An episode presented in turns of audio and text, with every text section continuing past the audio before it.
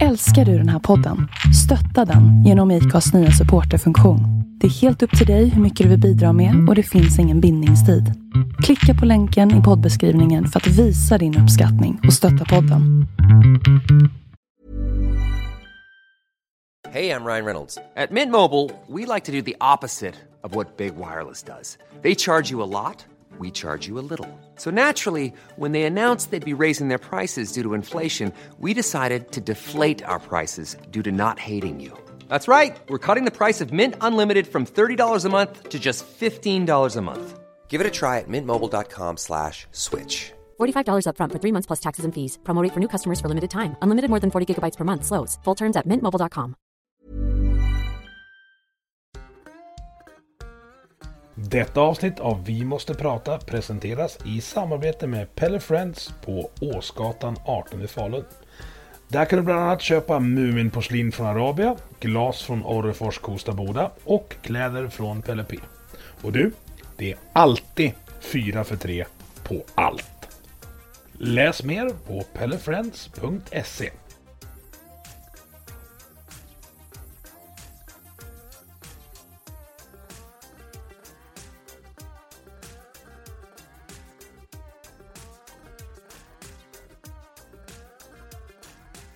Jag tycker det är spännande med sånt där, vet teknik. Teknik och sport. Ja. Och bilar. Är det så? Det trodde man ju inte. Men vi ska, Nej. prata om, vi ska prata om fördomarna. Jajamän, Det bra. känns som vi har börjat. Jag sitter alltså i en soffa i Insjön nu. Med eh, den, den kristna högerns fundamentalistiska ledarfigur. Åh, vilket dåligt intro! Nej det gör jag inte. Jag sitter här med Frida Park. Vi ska lista ut lite vem, vem hon är. Och det här är en av få intervjuer jag har gjort i säsong två som är öga mot öga. Jaha, ja på grund av pandemin såklart. Ja, och på grund av att folk bor ju avsides. Ja. All- Alla kan inte bo i Men jag centralorten längre. Liksom- Vi börjar så här. Du ska få berätta vem du är helt enkelt. Jaha. Det brukar vara enkelt. Ja. Nej, men det tror jag faktiskt inte alls att det är. Vem är jag liksom? Eh, Frida Park. Eh, jag bor ju nästan i centralorten, de Djura nu är centralorten eftersom jag bor i Insjön numera. Jag hade ju en liten avsides eh, vistelse i, utanför Stockholm i fyra år. Eh, och nu är vi hemma igen. Eh, jag och min familj, man och tre barn. Och om det är läxingar som lyssnar så vill de ju alltid höra, ha Öckenpark är det här då? Ja, det är ju som man brukar säga att hemma i Djura där jag bor så kan du inte ramla ur en traktorskrinna på midsommar utan att träffa en park eller en Danielsson. Det är, det är ganska många. Nej, vad kul. Ja, Ja, men i Stockholm är det ju ingen som vet vem, vem, vem Park är. Men här, eh, jag är gift med Daniel Park som är son till Sven Park. Så, så har vi ett lite karta då. Det här förstår ju inte någon, någon utsocknes alls. Nej. Vadå, ska man berätta vem man är släkt med? Ja. Ja. Jag hette ju Hugosson när jag flyttade hit för... Jag flyttade hit 98. Inte en kotte brydde sig vem jag var förrän jag fick ett efternamn 2003 som hette Park. Då blev läxingarna väldigt trevliga. Ja, så. Men jag älskar Leksand. Jag ska inte klaga på dem. Men när vi nu ändå pratar efternamn. Nej, men jag är ju född och uppvuxen utanför Stockholm. Jag hamnade i Leksand 98. Eh, Flyttade hit utan att känna en kotte. För att jag kände att nej, men jag ska dit. Ska vi nu vara väldigt kristna så, så som att ja, men Gud kallade mig till Leksand. Inte för att jag på något sätt skulle förändra Leksand utan kanske för att jag behövde Leksand. men du hade, du hade ingen relation till byn innan? Nej, jag hade varit här på en eh, husvagnssemester, min hittills enda husvagnssemester. Det tyckte jag inte om, men Leksand tyckte jag om. Eh, och sen träffade jag min man 2001 och på den vägen är det. Man behövde ju inte bo väldigt länge i Leksand innan man fattade att här kan man ju bo för resten av livet. Det är ju fantastiskt här. Alla borde flytta till Leksand. Nej, säg inte så då kanske de kommer hit. Ja, men- Okej, eh, det kom inte hit. Nej. Men vi som bor här är väldigt nöjda och så Ja. räcker det så. Eh, ja, men jag är ju då utbildad lärare egentligen. I botten. Eh, Var du det när du flyttade hit? Eller? Nej, det var jag faktiskt inte. Men jag flyttade hit eh, och började som lärarvikarie, pröva på det lite. Och sen så eh, bestämde jag mig för att läsa till lärare. Eh, ja, vi ska göra en lång historia kort här, men jag läste till lärare och sen så när jag väntade mitt tredje barn så blev jag ju eh, uppmärksammad av den gode Jens Rundberg, som du också har pratat med, Ja. På Twitter, där du och jag också munhögs på den tiden. Ja. Eh, och han frågade om jag ville skriva krönikor. Eh, en gång i månaden ungefär. Och sen så blev jag... På den vägen är det. Nu skriver jag ju på heltid och är chef för ledarsidan på Kristna Tidningen Dagen. Lite för stort hopp där, men alltså så här, vad var det som gjorde att Jens kontaktade dig och Ja. vad, vad ville han att du skulle skriva om? Om jag det visste. Det var min första fråga. För tänk dig mig då, då sitter jag i Insjön, högst uppe på ett berg. Är superuttråkad för att jag är sjukskriven med jättemage, bebisen ska ut snart. Och så frågar han så här, "He- skulle du vilja skriva krönikor i Dalarnas tidningar? Jag bara, om vad då? Om att vara mamma eller? Liksom, jag fattar ingenting. Nej, nej, du ska göra konservativa samhällsanalyser. What? Eh, och då hade ju han sett någonting i mitt twittrande som han gillade. Eh, och så lät han mig skriva två provtexter och eh, ja, från den andra publicerade krönikan så, så flög de ju. Som Vad skrev om då? då? Den andra handlade faktiskt om att snart finns det inga sockor att rocka. Du vet, down syndrom. Snart finns det inga barn med down syndrom längre för de sorteras bort. Då måste vi diskutera den etiska för, mm, frågan. Liksom, är det rimligt att, att det är så? Vill vi ha ett samhälle där det snart inte finns några sockor att rocka?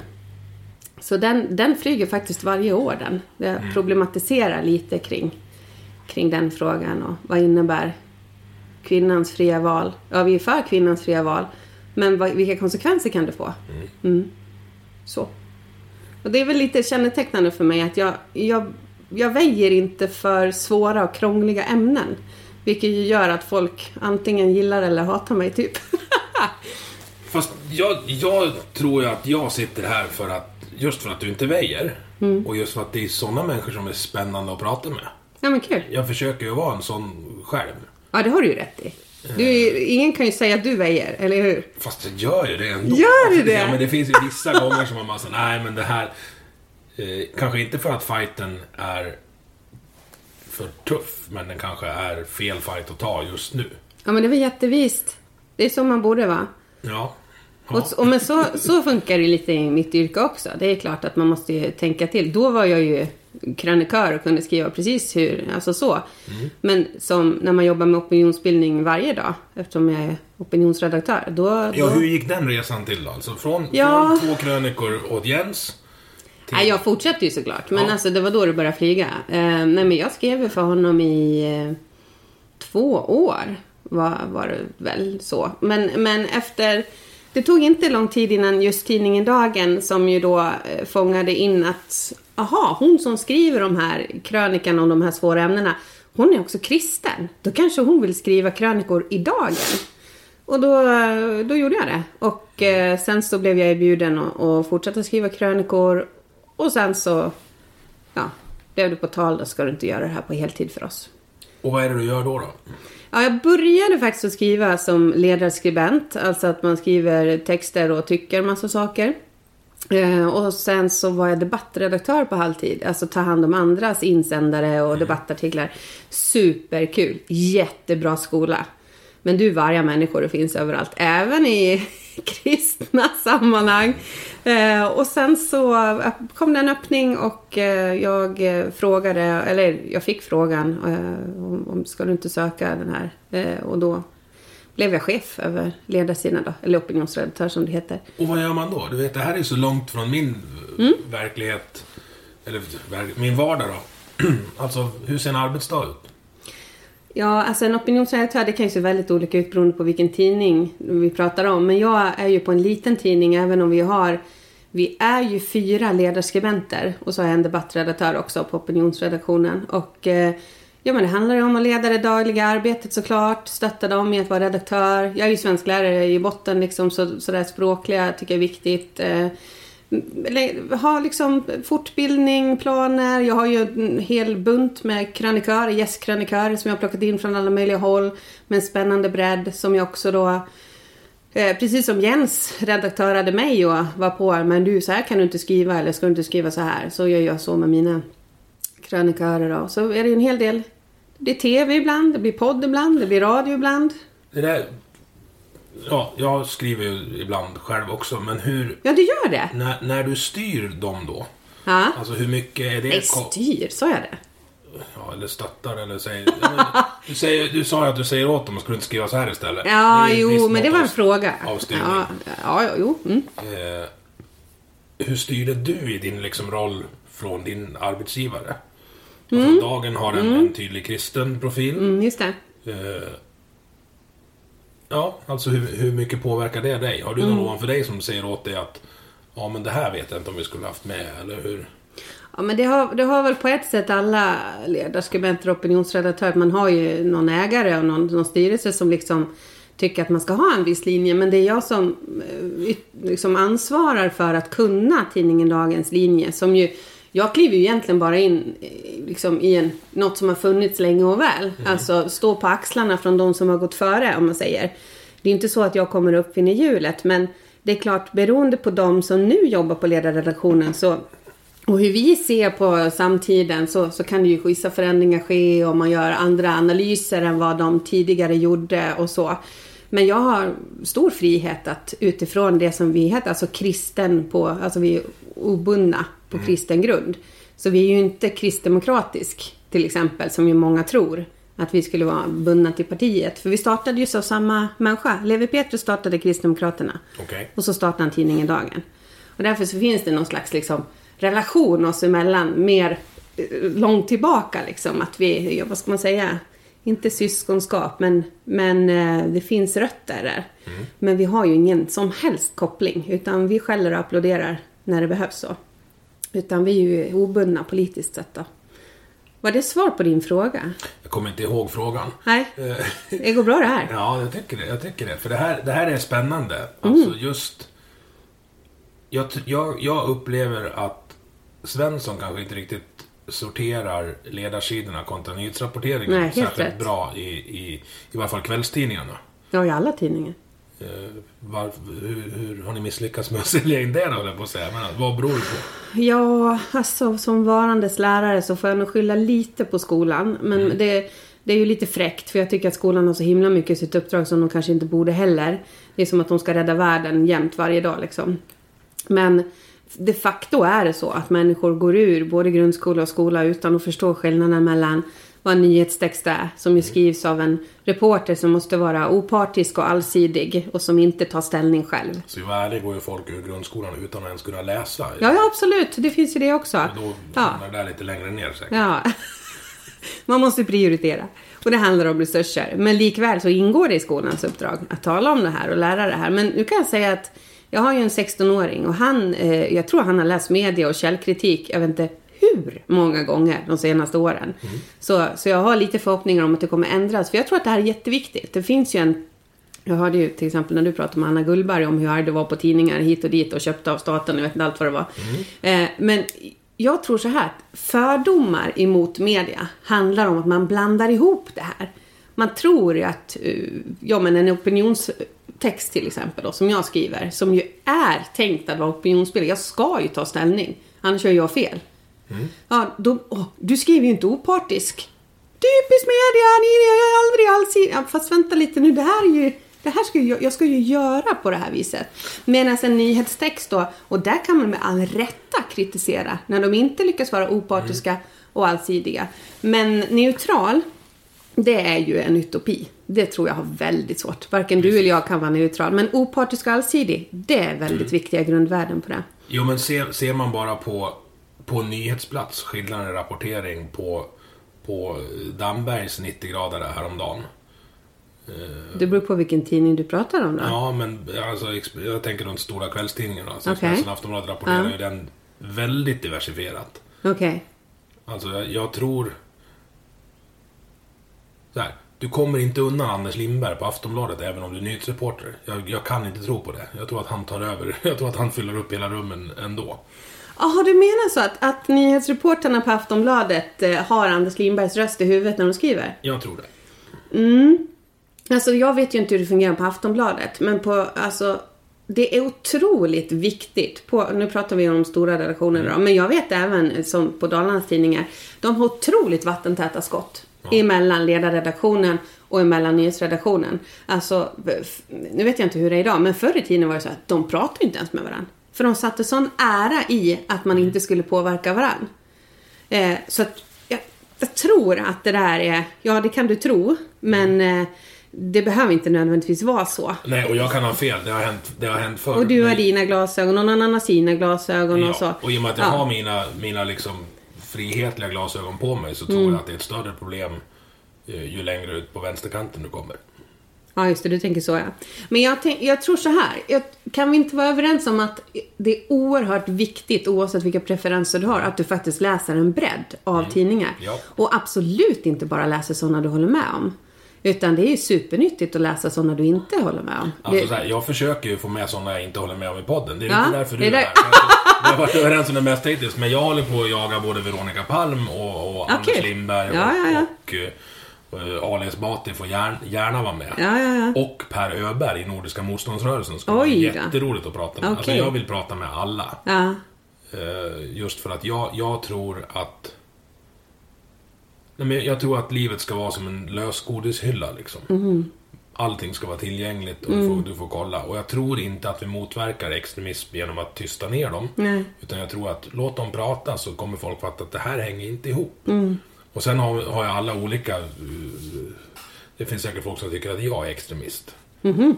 Eh, ja. Vadå, LEF-extremist eller vadå? Eller frihetlig Militant extremist? hockeyextremist. Ja, jo, jo. Det kan vi väl instämma i. I banjohögen som vill berä, beväpna Men, din- men vad, vad, får jag fråga dig då, vad tänker du om de som till exempel säger så här, men ska du verkligen ge utrymme till Nordiska motståndsrörelsen och ge dem en plattform att torgföra sina åsikter? Vad tänker du om det? Jag tänker att det är fegisar. Okej, för att? Därför att är man, är man, alltså det är samma sak som, som med den här beröringsskräcken för Sverigedemokraterna som... Alltså Men är det samma sak? Ja, precis samma sak. Har du ingen gräns däremellan då, vad som faktiskt är rimligt att, ge utrymme för? Nej, Nej, okej. för jag tycker att ju, ju mer de får prata desto, desto mer kommer det fram hur orimligt det är. Ja. Deras ideologer. Ja. I- Ideologier. Mm, det ligger ju i linje med vad du står för, jag förstår det. Absolut. Ja, men så här, Per Öberg, så här, vill du verkligen rösta? Eller vi- tycker du verkligen att det verkar vettigt att ta tips från de som försökte invadera Ryssland utan vinterkläder? Mm. Jag vet inte om det är så jävla smart liksom. Ja, alltså jag, jag... Så här, jag tänker att det där på ett sätt... Jag vet inte hur Jesus skulle gjort just med att låta Öberg uttala sig i en podd. Men på ett sätt så är det lite likt Jesus, om vi nu ska vara lite så. Jag är ju ändå Första gången jag har fått höra det kanske. Ja, det är lite Jesus-likt där, Ja. Emil. Därför att han blev ju väldigt kritiserad för att han åt och umgicks med publikaner och syndare, som det står i Bibeln. Alltså fariséerna sa ju, vad håller du på med? Varför umgås du med den där och den där och den där liksom? Men han, han sa ju så här, ja men jag är inte kallad till att gå till de som är friska. Det är läk- alltså friska behöver ju inte läkare, utan Nej. de som är sjuka som behöver en läkare. Ja, Och jag tycker det, det finns någonting fantastiskt i det. Att ändå, nej men jag fular inte ut några på grund av deras åsikter. Sen kan man fortsatt ändå fundera över om hur vettigt det är att låta dem torgföra sina åsikter och har sagt det. Men likväl så finns det en princip i det där som jag uppskattar och som jag själv lever efter. Att jag, jag lunchar ju med folk som verkligen inte håller med mig. För att jag tycker att det är väldigt viktigt. Det här samtalet, öga mot öga, att ses. I spalterna kommer du bara så långt. Eh, för svartvitt, eh, det blir ju liksom en viss ton. Men när du hör min röst, när du ser mina ögon och vi pratar om svåra saker, då, då kan vi nå en helt annanstans. Så att, eh, ja, spännande Emil. Vi kan fortsätta med Öberg, Öberg som exempel. Jag tror att de som vägrar prata med honom är rädda är rädd för att de ska hålla med om någonting. Mm, tror du? Alltså det finns ju bevis på det i, just i kommunfullmäktige i Ludvika där de kom in. Ja. Visserligen på ett SD-mandat. Ja. Men då la ju de en motion om att eh, de ville att eh, kommun- kommunfullmäktigesammanträdena skulle webbsändas. Och det tyckte ju alla att det var en bra idé. Men de röstade nej för att den kom från dem. Och det är så, det, jag tycker det är fruktansvärt dumt. För gör man så, det är så man har försökt, eller det är så man har misslyckats med att hantera Sverigedemokraterna. Att man har röstat nej till allting. Alltså om SD hade lagt fram vänsterns partiprogram så hade inte Jonas Sjöstedt kunnat rösta ja till det, även fast han håller med om det i sak, för att det kommer från fel håll. Ja, det, be- det behöver inte, du behöver inte prata om Sverigedemokraterna. Du kan tala om Kristdemokraterna vad gäller Ja. Vänsterpartiet till exempel. Att man röstar, eller vilket parti som helst. Att du röstar inte gärna för det som kommer från en åsiktsmotståndare från andra blocket. Så det är ju liksom lite politi- politikens spelregler. Men jag kan likväl tycka att Alltså, även om jag håller med dig om... Alltså jag måste bara göra en liten utvikning. Får jag göra det? Jag, var, jag ska inte säga vilken ort det var, men den är närbelägen från där vi sitter just nu. Så var jag dit och besökte en spännande affär. Och sen efter det så skulle jag köpa en sak begagnat. Jag gillar begagnat marknaden.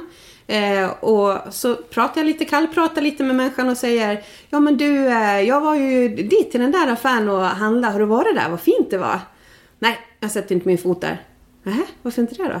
Nej men de som äger den är ju Sverigedemokrater. Och jag blev helt ställd. Dels visste ju inte människan vad jag hade för preferenser. Och sen det här att hur man kan fula ut människor på det sättet, det gör ju mig upprörd. Och likväl, med detta sagt, så menar jag att det finns ju väldigt många Sverigedemokrater, inte alla, men det finns Sverigedemokrater som har en väldigt bekymmersam människosyn. Så jag kan nog gilla deras politik, men det är människosynen som oroar mig. Och då om vi då tar upp Per Öberg och NMR, det är ju den som verkligen är problematisk. Ja. Fruktansvärt problematisk. Men Så- då, då säger jag, då ska du samtala och adressera den där. För när det kommer ner på sakpolitik, då måste du ta... Alltså jag blir väldigt pragmatisk när det blir sakpolitik. Mm. Det är bara effekt som är, som är det intressanta. Mm. Fast om du sätter andra värden högst, att det inte är pragmatismen som är det viktigaste utan också att stå upp för människovärdet då. Och det är ju den... Jag kan tycka att det finns en skillnad mellan Sverigedemokraterna och NMR här liksom. Men om, om det kommer ett förslag från det hållet som gör... Alltså det, det, det är då det blir krångligt. Om det kommer ett förslag från fel håll, Mm. men som, där du håller med om. Då är alltså, ska du inte rösta ja till det då? Mm. För att det kommer från fel håll. Och det beror på vilket fel håll. Och det, nu låter jag som Annie Lööf. Du får inte tro att jag liksom... Nej men alltså på riktigt. Jag, jag tror att man har sina röda linjer. Och min, min går nog ändå där liksom. Eh, men jag menar nog att den... Det här har ju du pratat så mycket om på så många olika ställen. Men, men den här taktiken man har haft vad gäller Sverigedemokraterna har ju varit världens mest eh, misslyckade Och taktik. framförallt att när man märker att det inte funkar i två val, att man kör det i det tredje också. Det är så fruktansvärt dumt. Ja. Man, det har, finns... man har gett bort 20% av väljarbasen till Sverigedemokraterna. För de har inte behövt ta ansvar. Nej, de har inte behövt ta ansvar. Jag håller med om det. Syna korten. Eh, Kolla pandemin när den slog in, när, när det vart eh, vad heter det, fullkomligt parlamentarisk, alltså när de sätter sig i kommittéer Mm. och, och bara försöker lösa saker. Sverigedemokraterna försvann ur media. När Mm. de var tvungna att vara med och ta ansvar, då hade de inget utrymme. De hade ingen sakpolitik att komma med. De vart liksom inrätta sig i ledet. Men, men alltså vi ska nog lämna det här ämnet snart. Nej, vi kan, vi kan prata länge om det. Nej, men är- jag bara måste säga en sak om om det. Men för det finns ju självklart en agenda ifrån NMR i Lundvika. Att vi Ja, ja. lägger ett förslag som alla håller med om. Därför att då, då får vi liksom lite legitimitet. Och då kan vi spela på just det här som du säger. Ja. Varför röstar ni nej när ni ändå håller med? Mm. Och, och, och den agendan måste man se igenom. Man måste Nå- se vad det handlar om. Och någonstans sitter det en sverigedemokratisk partistrateg och har varit jättenöjd med isoleringstaktiken. Mm, så är Att det. varje gång, för om, om Paula Bieler hade ställt sig i riksdagen så, ja men solen är gul och himlen är blå. Mm. Då måste Jonas Sjöstedt ställa sig upp och säga, nej jag håller inte med. Mm. Fast alla kan se att det är så. Och ja, jag, jag, och jag tror också ur en sverigedemokratisk synpunkt så tror jag att deras intag var kontraproduktivt. Jag tror att de andra partierna hade tagit tag i migrationsproblematiken mycket tidigare. Om det inte hade blivit så att de hade blivit anklagade för att springa Jimmys ärenden. Mm. Och framförallt kanske integrationsproblematiken. För Ja. den blev ju också utfulad. Som vi nu sitter med i knät. Har den i knät. Vilka problem vi har där liksom. Och det svänger så fort. I avsnittet med Aron Flam så pratar de om att Sverige är som en oljetanker som liksom långsamt vänder sig utan att passagerarna märker, om, märker det. Och när man sätter fart mot nya, då står kaptenen och säger att vi har alltid varit på väg hitåt. Och där är vi nu igen. Alltså, mitt Europa bygger inga murar. Sa Stefan Löfven. Och sex, 2015. Sex, sex veckor senare så, så är det i princip taggtråd på Öresundsbron. Det liksom, Gick det så fort? ja, det var alltså, det svängde fort när han och Romson körde den här presskonferensen och hon gråter. Ja, Och jag var det förstår. sex veckor bara? Kära någon, det har jag glömt. Alltså jag minns ju att Jag det... kan ha fel i sak, men alltså det, var, det gick det gick- fort emellan ja, i ja, alla fall. absolut. Ja. Men alltså jag måste bara säga apropå att hon fällde tårar där. Att eh, många förlöjligade ju henne över det. Men jag respekterade henne för Oh, ja. det. Därför att där visade hon att det här är inte bara talespunkter. Utan det finns ett djupt personligt engagemang för de här människorna. Men här och nu så måste vi Alltså vi måste ta den här hårda pucken liksom. Sen har ju Miljöpartiet strättat emot sen dess liksom. Men, men likväl, att hon både under, inte galgen då för det låter ju för dramatiskt, eh, måste göra det som krävs. Men att hon eh, känner så starkt för det så att hon visar det. Det är liksom, för mig är det lite respekt. Så. Jag är, jag är kluven där. För jag tycker inte att, vi, att det var ansvarstagande att att ta emot så många hökar. Alltså skulle vi varit Nej men alldeles oavsett vad man tycker om det. Ja, Ja. men det är abs- absolut. Nu flyger in fåglar i fönstret Ja, det är bra. Vad heter det? Jo, men... Och där tycker jag ni journalister, nu ska jag, nu ska jag kasta skit. Han generaliserar lite, ja. Vi, gör det. Ni, eller vi, om jag nu är journalist, det, vi har ju låtit politikerna komma undan med skitsnack alldeles för länge. För det som har orsakat döden på Medelhavet är Dublinförordningen som hela EU tog tillsammans. Alltså med transportörs, av, transportörs, vad heter det, transportörsansvaret. Ansvar.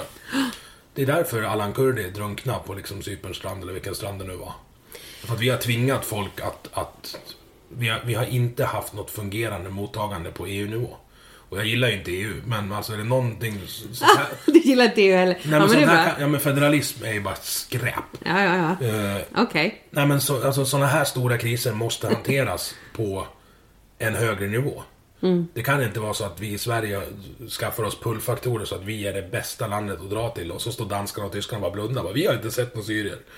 Jag, jag kan hålla med om det problematiska i just transportöransvaret. Eh, med, alltså, hade de kunnat flyga istället för att ta sig ut ur de här osäkra båtarna. Hade de kunnat söka asyl på ett konsulat eller en ambassad så hade vi inte heller haft den här situationen. Så det finns ju en skuldfråga där, absolut. Liksom. Eh, likväl så tycker jag ju att det här talet om att ja, men vi måste ha asyl, asylpaus till exempel. Det bär mig emot något så Ja, ja, ja. Eh, att asylrätten måste vi upphäva, vi måste ha någon annan ordning. Ja men på riktigt. Ja. Det är fåglar som smackar in och jag har ändå en sån där rovfågel i fönstret, ser du? Ja, det är mig de är ute efter. Ja, De vill lyssna på oss. jag ser ut som en kärve i skägget. Ja, nej, Tjoff! ja, åter, åter till... Ja, nej men och där har ju liksom, jag, jag känner ju, jag har varit lite bedrövad de här åren över, över den här tanken eller över de här förändringarna. Att hur kan man å ena sidan mena att eh, liksom medmänsklighet innebär i princip öppna gränser till att medmänsklighet innebär stängda gränser.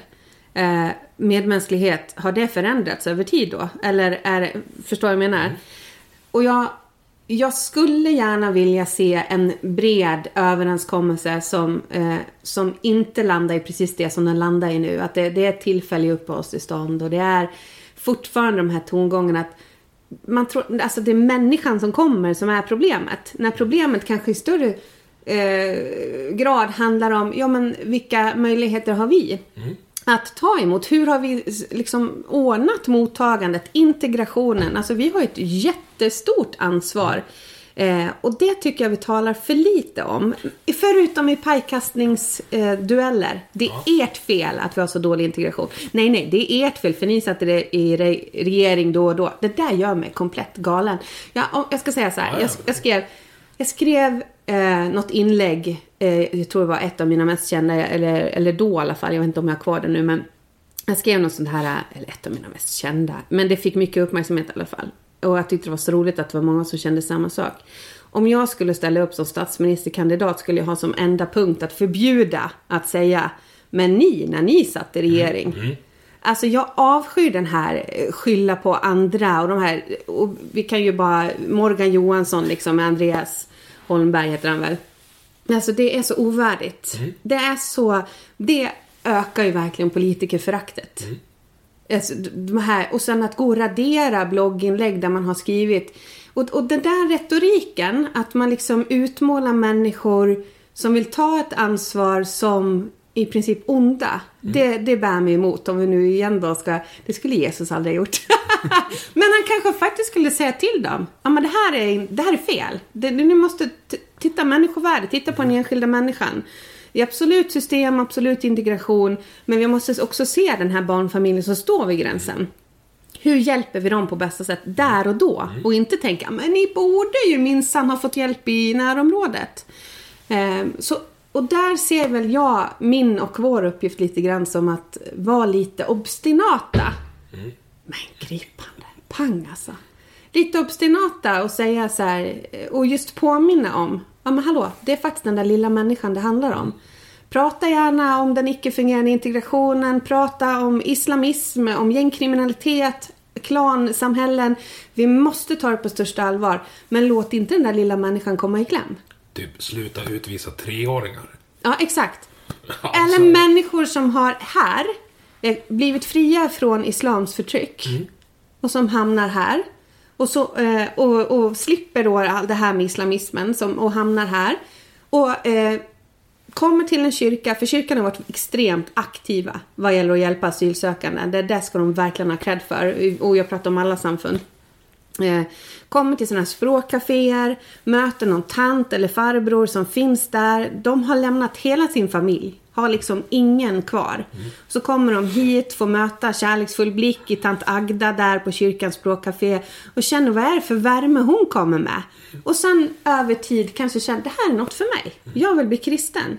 Och sen får de ifrån Migrationsverket sådana här frågor om, ja men vad handlar eh, konflikten i Nordirland om? Om du inte kan det, ja men då åker du ut, för då är inte du en äkta kristen. Så åker de tillbaks till landet de kommer ifrån, vad händer där? Vad väntar där? Jo, det är dödsstraff, för då har de lämnat islam. Det är fullständigt ovärdigt, men absolut, Tim, treåringen. Alltså det är så hemskt. Jag ja, det, knappt prata ja, om det. nej, nej, jag, jag som, som mamma så blir jag så oerhört upprörd. Och ska man vara pragmatisk då och säga att alltså, det, det finns ju, det här, kommer ju, det här låter ju hårt, men det finns ju någonstans ett tak på mycket, hur mycket ett land klarar av att integrera. Eh, Alltså både- ja, både- det kan du tycka. Ja, Ja, mm, så här, både mm. ekonomiskt och, och, och, och rent praktiskt. Men kan man inte säga så här då? Det finns, en, det finns någonstans en rimlig nivå som... Här är det välfungerande. Ja. Jag skulle inte säga att det finns ett tak eller det finns en gräns. Nej, det Sen kan- kan, det vi inte ta in någon. Men, precis, ja. Mm. det, det är ett spektrum där. Och om man då... Jag, jag tänker på gymnasielagen som jag tycker också är ett ja, haveri. havsverk. Ja, absolut. Ja, havsverk Ja. och att... En, en, ja, men så här, om, man, om man räknar lite.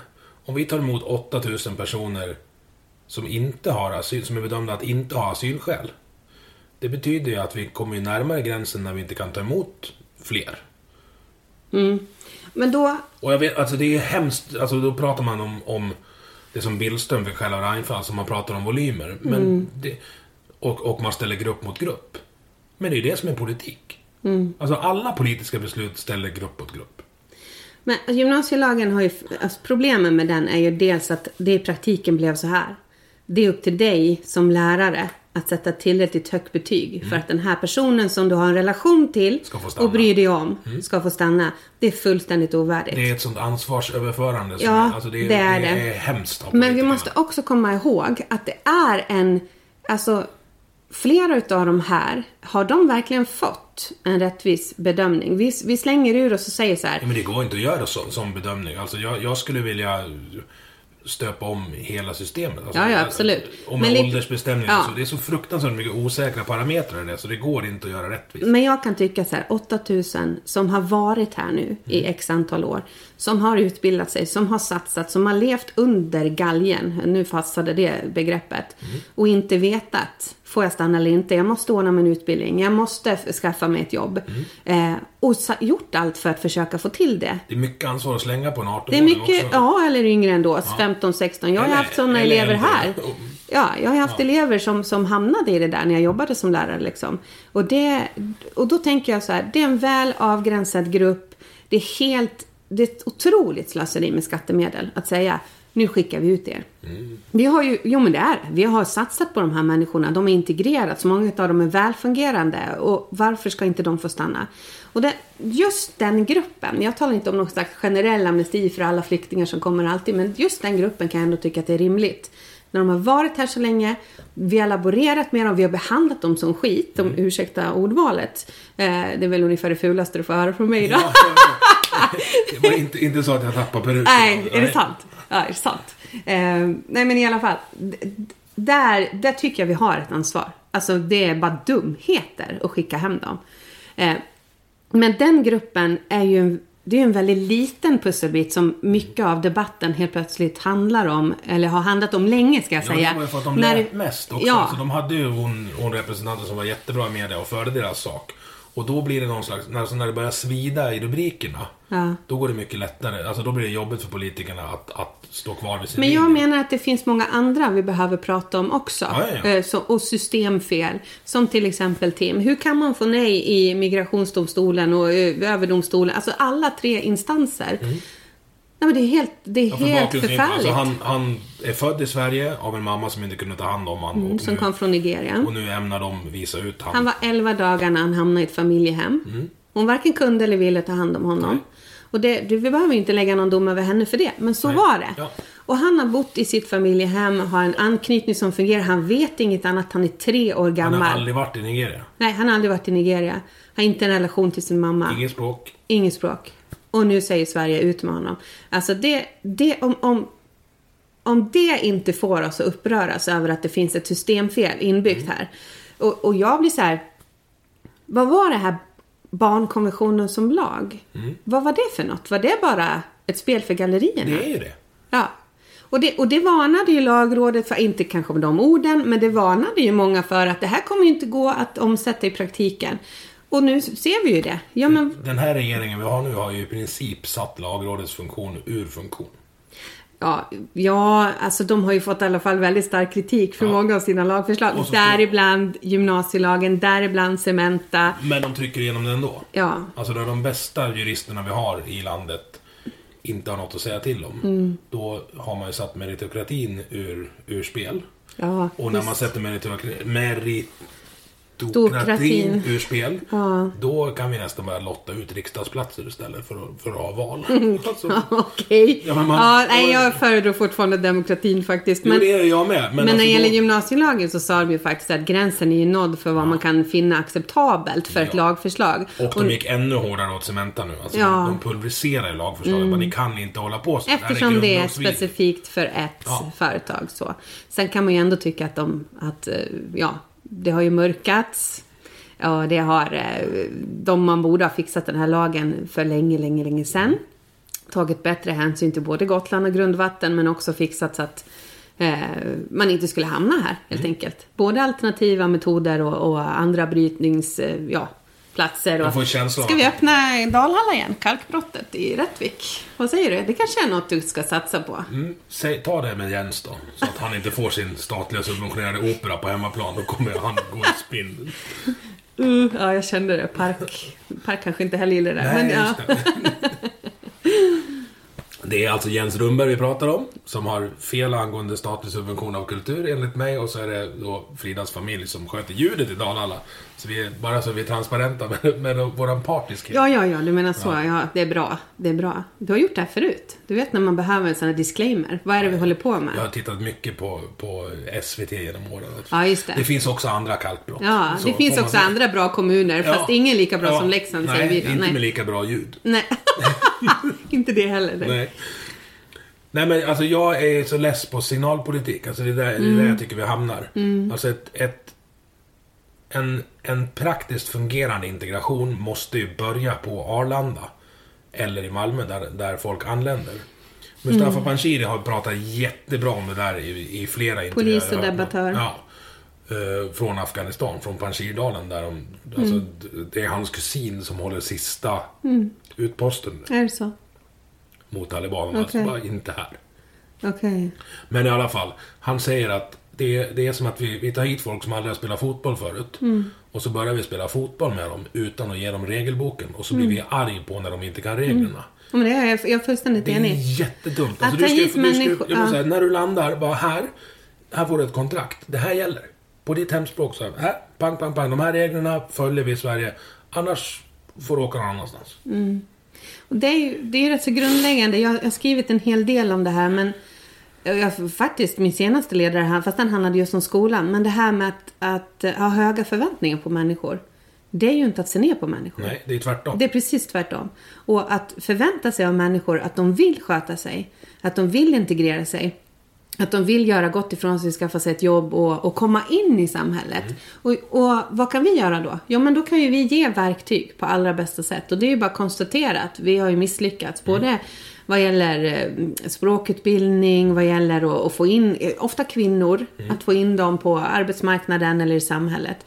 Men här får vi inte glömma att, att vi tänker ofta så här stat-individ. Och så glömmer vi att i mitten, Civilsamhället. civilsamhället. Det är jätteviktigt. Super, superviktigt. Och deras insats glöms ofta bort. Och jag kan säga att vi hade inte haft det, den delen av integrationen som faktiskt fungerar har ofta med civilsamhället att göra. Alltså kyrkor, föreningar, fotbolls, idrotts, allt det här. Där människor möt, möter varandra och får relationer, får en gemenskap. Och det är ju det är någonting som jag ofta lyfter fram. Och hur sexigt det är att prata om civilsamhället. Men på riktigt. Men det är för att folk inte fattar vad civilsamhället Nej. är. Alltså en av de mest välintegrerade platserna du har i Sverige är Norra Stå på Friends Arena. Alltså AIKs klack. Kul. ja, och det är så bra för snack om att där finns det tydlighet. Ja. Där blir det ett vi Ja. på ett sätt som, som skiter fullständigt i vad du har, vad du har för färg på, på huden. Ja. Det är vad du har för färg på Jag halsduken. vet att jag hamnade i den klacken en gång när jag var såg på Leksand AIK. Var du rädd? Eh, lite. Ja, fast, fast det, är- alltså det, så det är inget farligt. Det, alltså det är. Nej, nej, de var jättetrevliga, de var inte så. Men det var verkligen, eh, alltså vi stod ju där med Leksandsmössorna. Min familj, det var Ja. lite dumt Ja. Och min, min, han var väl 6-7 år då, stod och viftade med LEF-flaggan så här. Jag bara, kanske inte just bredvid den här jätten i hornen och ja men du vet sådär. Nej men det var ju jättetrevligt så. Men det var kul att du gav dem lite cred här, det var väl bra. Ja, nej men alltså, och jag, jag tycker det, just civilsamhället försvinner.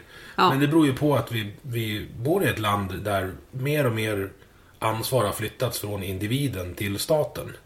Alltså, Fast- nu, fast- har, nu, fast har jag ja. ett, nu har jag ett problem. Vad tänker regeringen göra åt det här? Ingenting. Lös ditt jävla problem. liksom. Ja, lös det själv. Ja. Absolut. Men, och, men jag tänker att inte bara att ansvar flyttar från staten. Utan det är det här någon-annanismen. Det är väl det du är ute Ja, efter lite ja. grann. Att man tänker så här. Ja men eh, jag gillar inte det här. Då får någon annan Mm. lösa det. Eh, men också det att vi har helt tappat bort det här. Behovet av små gemenskaper. Mm. Alltså de som talar om familjens betydelse. Det är ju egentligen de som har lösningen på gängkriminaliteten. Mm. Ja, för de som växer upp med en trygg uppväxt. Och ibland går det inte alltid och då behöver man kanske andra trygga vuxna som kommer Men in. chanserna blir större att det Ja, blir bra. precis. Och det, det, det är så oerhört viktigt att redan där se att en trygg uppväxt, en bra fungerande skolgång, ja men då har du eliminerat så många problem längre fram i livet. Utanförskap eller psykisk ohälsa. Så att det, jag, jag vill ju se fler förslag från politikerna, inte bara en familjevecka då. Utan fler förslag ifrån en bredd av partier. Ja men alltså familjevecka alla ära, jag, så här.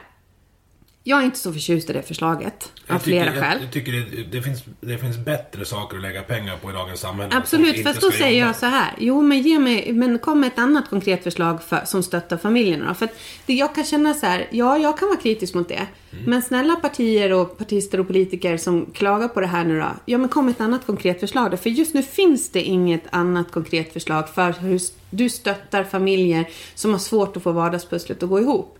Så kom gärna med det, för det finns många andra bättre förslag. Elevassistenter och obsklasser. Ja, till exempel. Men det är ju ett mer skolförslag. Det är inte specifikt hur du stöttar familjens livspussel. Jo, det kommer Men stötta- det är jätte... Ja, absolut. Och eh, korta köerna till BUP, om vi nu säger Ja. det. Alla som väntar på utredning två, tre år. Mm. eh, Det är fullständigt ovärdigt. Alla vet, nu kommer vi in på min hjärtefråga eftersom jag är lärare. Alla vet hur viktigt det är att du får tidiga insatser Mm. när du upptäcker att ett barn har eh, behov av extra stöd i skolan. Ja, Och det hur är det man möjligt? på dagis. Alltså man vet Ja. det på dagis. Ja, fast ja, ibland. Det beror lite på vad det är. Ibland syns det inte förrän i fyran, lite beroende på vad vi pratar om för särskilda precis. behov. Men desto, in så- desto så- mer bråttom då. Ja. Eh, och då funkar det inte att det är Men- tre års väntetid Nej, och och, det barnet ska må dåligt, tappa självkänslan, misslyckas i skolan. Det, ja, men det är ju fruktansvärt. Där har du signalpolitiken igen. Från, från eh, de som bestämmer om skolan nu. Att det ska vara en likvärdig skola. Ja, jo, men det är ju fina ord. Ja, men de offrar dampungarna på likvärdighetens altare i skolan idag. Alltså, du, de- du har väl rätt att säga dampungen, men Ja, jag ja. vrider sig lite Ja, i mig. Jag, jag ska starta en dampförmedling när jag blir stor. Jaha, vad spännande. Mm, Ska den heta så också? Ja. Ja. Det är många företag som skulle behöva... eh, Ja men på lite- riktigt, de är ju högfungerande liksom. Du kan prestera hur mycket som helst. Jag håller fullständigt med dig. Mm. Det motverkar att det här skulle vara någon negativ stämpel. Det är bra Emil, kör. Mm. Bra, men åter det här med, med likvärdigheten i, i skolan då. Mm. Ungarna är ju inte lika. Nej, nej, nej, precis. Du kan inte behandla alla lika, även fast det heter lika behandlingsplan. Och så sätter man upp någon, någon strategi som att alla gymnasieprogram ska vara högskoleförberedande. Ja, just det. Det är skitdumt. Alltså, skaffa ett, ett 18 månaders gymnasium där folk lär sig betala räkningar och, och, och koka makaroner. Och sen får de läsa teknisk basår när de har mognat ikapp. Ja, jo men så är det ju. Alla är ju inte... Det är, ju- det är en faktor. Alla är inte skolmogna. Så är det ju. Men sen också det här du sa med att allting ska vara högskoleförberedande. Det, vad händer med de praktiska gymnasielinjerna till exempel? Det, det, vi är ju olika. Så Och är det vi, ju. vi tappar folk så, som, som mig. Eh, Ja men berätta, hur, hur var det för dig med gymnasie och jag sånt har där? inga betyg någonstans att ta med mig. Nej. Eh, jag var jät- jättebra på det jag varit intresserad av. Men Ja. liksom... Som sport och... Ja, inte sport, men alltså... så Nej. Ja men jag menar i, alltså... Ja, men datorerna och ja. studion och allting som hade på, allt, allt på medieprogrammet var bra. Och teknik sen, och sånt. Sen skulle jag gå in och läsa litteraturhistoriska Ja. och Edith Södergran Ja, skulle jag vad kunna. kul. Liksom. Nej, Nej jag förstår. Jag skojar med det. och, ja, det är jättekonstigt. Men, men vad jag vill säga är att vi tappar... Visst, det finns byggprogram och, Ja. och sånt. Men att byggprogrammet ska vara högskoleförberedande. Mm. Det, det funkar inte så. Nej. Alltså då, då får de, de som vill ska kunna, naturligtvis kunna ha ett byggprogram som är Mm. högskola. De som vill bli ingenjörer och så. Men de som vill bli snickare. Alltså vi tappar jättemånga snickare, brandmän och poliser. För att de inte får fullständigt gymnasiebetyg. Folk Mm. som skulle vara jättebra. Och få, det, är ju så här, det är inte så att vi kommer behöva färre brandmän och poliser framöver. Nej. Och då pratar jag om poliser, Morgan. Inte polisanställda. Sluta ljug. Det, alltså det stör, det stör mig så fruktansvärt mycket. Hörde du Morgan? Ja. Mm. Ja, jag hoppas du lyssnar Morgan. Jag ska pinga in dig på Twitter. Du får komma till podden och, och försvara dig också. Jag är snällare än Hedlund. Inte. Eh, Nu nej, vill så- han nog väldigt gärna komma tror jag. Ja, Ja. det. Du låter ju livsfarlig också vet du. Ja, Vi pratar ju om det, din, din skrovliga härliga Ja, röst. den är trasig. Nej men så här, min lillebror är polis och det vet jag att jag pratat om i tidigare podden. Men de fick alltså... visste inte jag. De fick på midsommar ett larm när de fick åka från Rättvik till Sveg för att folk slogs. Ah. Det är två timmar. Var är det. Jämtland? Nej, Härjedalen? Ja, Vad är det? Ja. Någonstans upp, förlåt. Är Två, alltså mer än 20 mil. Ja. De var närmast. Ja. På midsommar. Ja, det är fullständigt ovärdigt. Det går inte. Alltså inte i ett land där vi har så pass hög, högt skattetryck som vi har.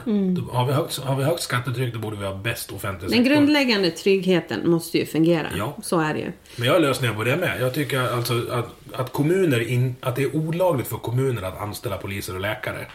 Det är inte bra. Alltså det, Nej, och det gäller ju också på äldreboenden. Alltså att det, om vi ska, vi behöver inte gå in på det, men alltså under pandemin så är jag helt övertygad om att vi hade inte nödvändigtvis behövt se så många dödsfall ifall det var så att det hade funnits en större tillgång till läkare på äldreboenden och så. Mm. Det är ju ovärdigt. Men Alla, alla frågor som vi har pratat om här fram tills nu, som har handlat om den lilla människan, det är där jag går igång. Det är alltid där jag går igång och det är alltid där jag vill problematisera. Alltså, som, som kristen så, om man säger så här, ja men vad är det som du går igång på då? Alltså eh, Aftonbladet är ju obundet socialdemokratisk och så har vi eh, borgerliga, jag höll på att säga Sverigedemokrater, men jag menar inte det, jag menar Svenska Dagbladet och så har vi oberoende liberal Dagens Nyheter. Alltså man, de har ju en ideologi och så heter vi obunden på kristen grund. Ja, vad är det som motiverar mig då? Jo men det är ju det okränkbara människovärdet. Och det okränkbara människovärdet, det är ju så stora fina ord som man det är ju nästan så här alla människors lika värde och så blir det inget, det är bara Fast det blaj är en av det. felöversättning. Alltså det är Ja, alla ja. människors lika värdighet. Skulle Ja, det det kan vi också diskutera. Mm, men det, det ska vi inte gå in på nu. Men det kommer en text om det. Mm, fick Ja. ett tips om det också.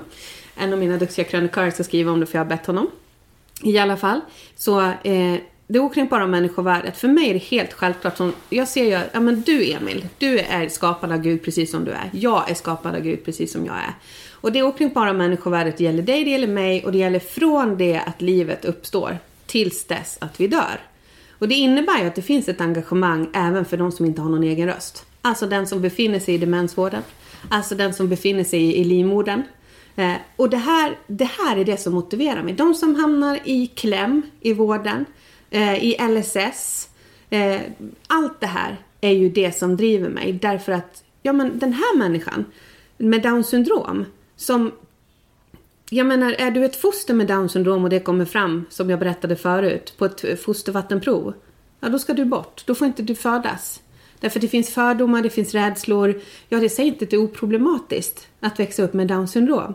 Men är det rimligt? Har inte vi misslyckats då i samhället med att faktiskt välkomna och göra ett samhälle där alla människor, oavsett funktionsnedsättningar, oavsett vem man är, är välkommen och kan få växa upp och, och må bra. Eh, och det, det där är ju grunden i min samhällskritik, i mitt samhällsengagemang. Och det har funnits ända sedan jag var liten. Jag har varit så väldigt rättspatosmänniska. Mm. Varför blev jag lärare? Jo, därför att jag tyckte att jag hade så många dåliga lärare. Jag tyckte de behandlade elever orättvist. Jag tyckte att elever som hade det tufft inte fick förutsättningarna. Och jag sa nej, det, skolan är viktigast i samhället. Det finns ingen viktigare arena. Det är där du avgörs om du kommer må bra resten av livet. Har du haft det tufft hemma till exempel, då kan ju skolan rädda dig. Mm. Men också tvärtom. Skolan kan totalt förstöra ditt liv. Okej, okay, jag måste göra vad jag kan för att skolan ska bli bra. Jag blir lärare. Och nu har jag liksom släppt det konkreta. Men nu jobbar jag för att skolans förutsättningar ska bli bättre. Mm. Alltså som opinionsbildande journalist då. Eh, och det där kan inte jag släppa. Så att, eh, ja. Det är väldigt mycket det du sa nu som, nu ska vi, nu ska vi dissekera. Vi börjar på det första. Skapad av Gud. Mm. Alltså menar du... du får, nej, du får berätta vad du menar. Mm. För jag är ju... Mm. Skapad och älskad av Gud. Mm. Det, ja, det, det, här, ja. det, låter som att, som att du är övertygad om att Gud är liksom en fysisk person någonstans. Nej, fysisk skulle jag inte säga, men verklig. Ja. För mig är inte det en saga om en gubbe på ett moln, utan han är i högsta grad närvarande i mitt liv, i mitt hem, i min vardag. Men skapad då ja. av alltså... Jag är helt övertygad om att han, han har del i att du är den du är. Alltså designad? Ja, det tror jag. Jag tror att... Och då har jag en del frågor jag vill ta upp med när det gäller mig själv. Jo, jo, men det betyder ju inte att det nödvändigtvis blir enkelt eller lätt. Det kan bli riktigt tufft så. Men jag är helt övertygad om att du, Emil, med allt det vad du gör, betyder så oerhört mycket för andra människor. Som, hade du inte varit precis den du är och haft de föreläsningar eller de poddar du har, så hade andra människor med utmaningar inte fått den hjälp de, de behöver. Liksom. Så att, det är min ambition också, men det tror jag att jag gör själv. Jag tror att Gud... Ja, det, absolut. Jag men tror att du gör... definiera Gud då. Det blir så abstrakt för mig. Ja, men det är en bra fråga. Definiera Gud. Alltså Gud är... Gud har alltid funnits. Gud ser allt och hör allt. Det här är ju så jättestora ord. Men han är också väldigt nära. Han är, alltså, för mig är det ju någon jag har en relation till. Bön, vad är det? Jo, men det är ju att jag utgjuter mitt hjärta. Jag berättar vad jag tänker, vad jag känner. Mm. Och att i första hand handlar det kanske inte om att jag ska få bönesvar. Att svara på min bön nu, se till att, eh, inte vet jag vad det kan vara, som en liten så här godisautomat. Mm. Utan när jag ber så, eh, då, blir, då förändrar Gud mig. Eh, I första hand. Inte nödvändigtvis allting runt omkring mig. Mm. Eh, och att jag är kristen har ju det att göra med att jag... Vi stannar på bönen. Okej, okay, okay. Jag tror att bönen är, är liksom åt, åt eh, det neuro... Vad heter det? Neurolingvistiska programmeringstänket. Jaha, vad spännande. Jag, jag, tror att när du ber mm. så sätter du ord på saker som har bara funnits som tankar. Mm. Vilket gör att det blir lättare för din frontallob att förstå dem. Mm. Vilket gör att du själv ger dig bönesvar. Alltså det är mm. som att sätta upp en... Ja men... Att skriva en att göra-lista är mm. mycket lättare än att försöka komma ihåg allting i, mm. i huvudet. Jag tror att det är det du gör. Okej. Okay. Ja, ja. för jag, alltså så här, jag, jag tänker inte säga emot dig. Nej, jag men... tror, men så här, tror du på Gud är en sån dum fråga. För att... För då måste du först definiera vad du menar med tror och vad du menar med Gud. Ja, och det är det, det är det, vi försöker göra nu. Ja. Alltså jag tror ju också på, på... Uh, jag ska inte kalla Gud, jag kallar han Bergenström. Nej, nej, men alltså jag... Jens Bergenström. ja. Nej men... Ja, jag, jag gillar att tänka på det här. Ja. Och jag önskar att jag kunde sätta de orden som du sätter på det här. Ja. Men jag är för agnostisk för att liksom uh, kunna ta det steget.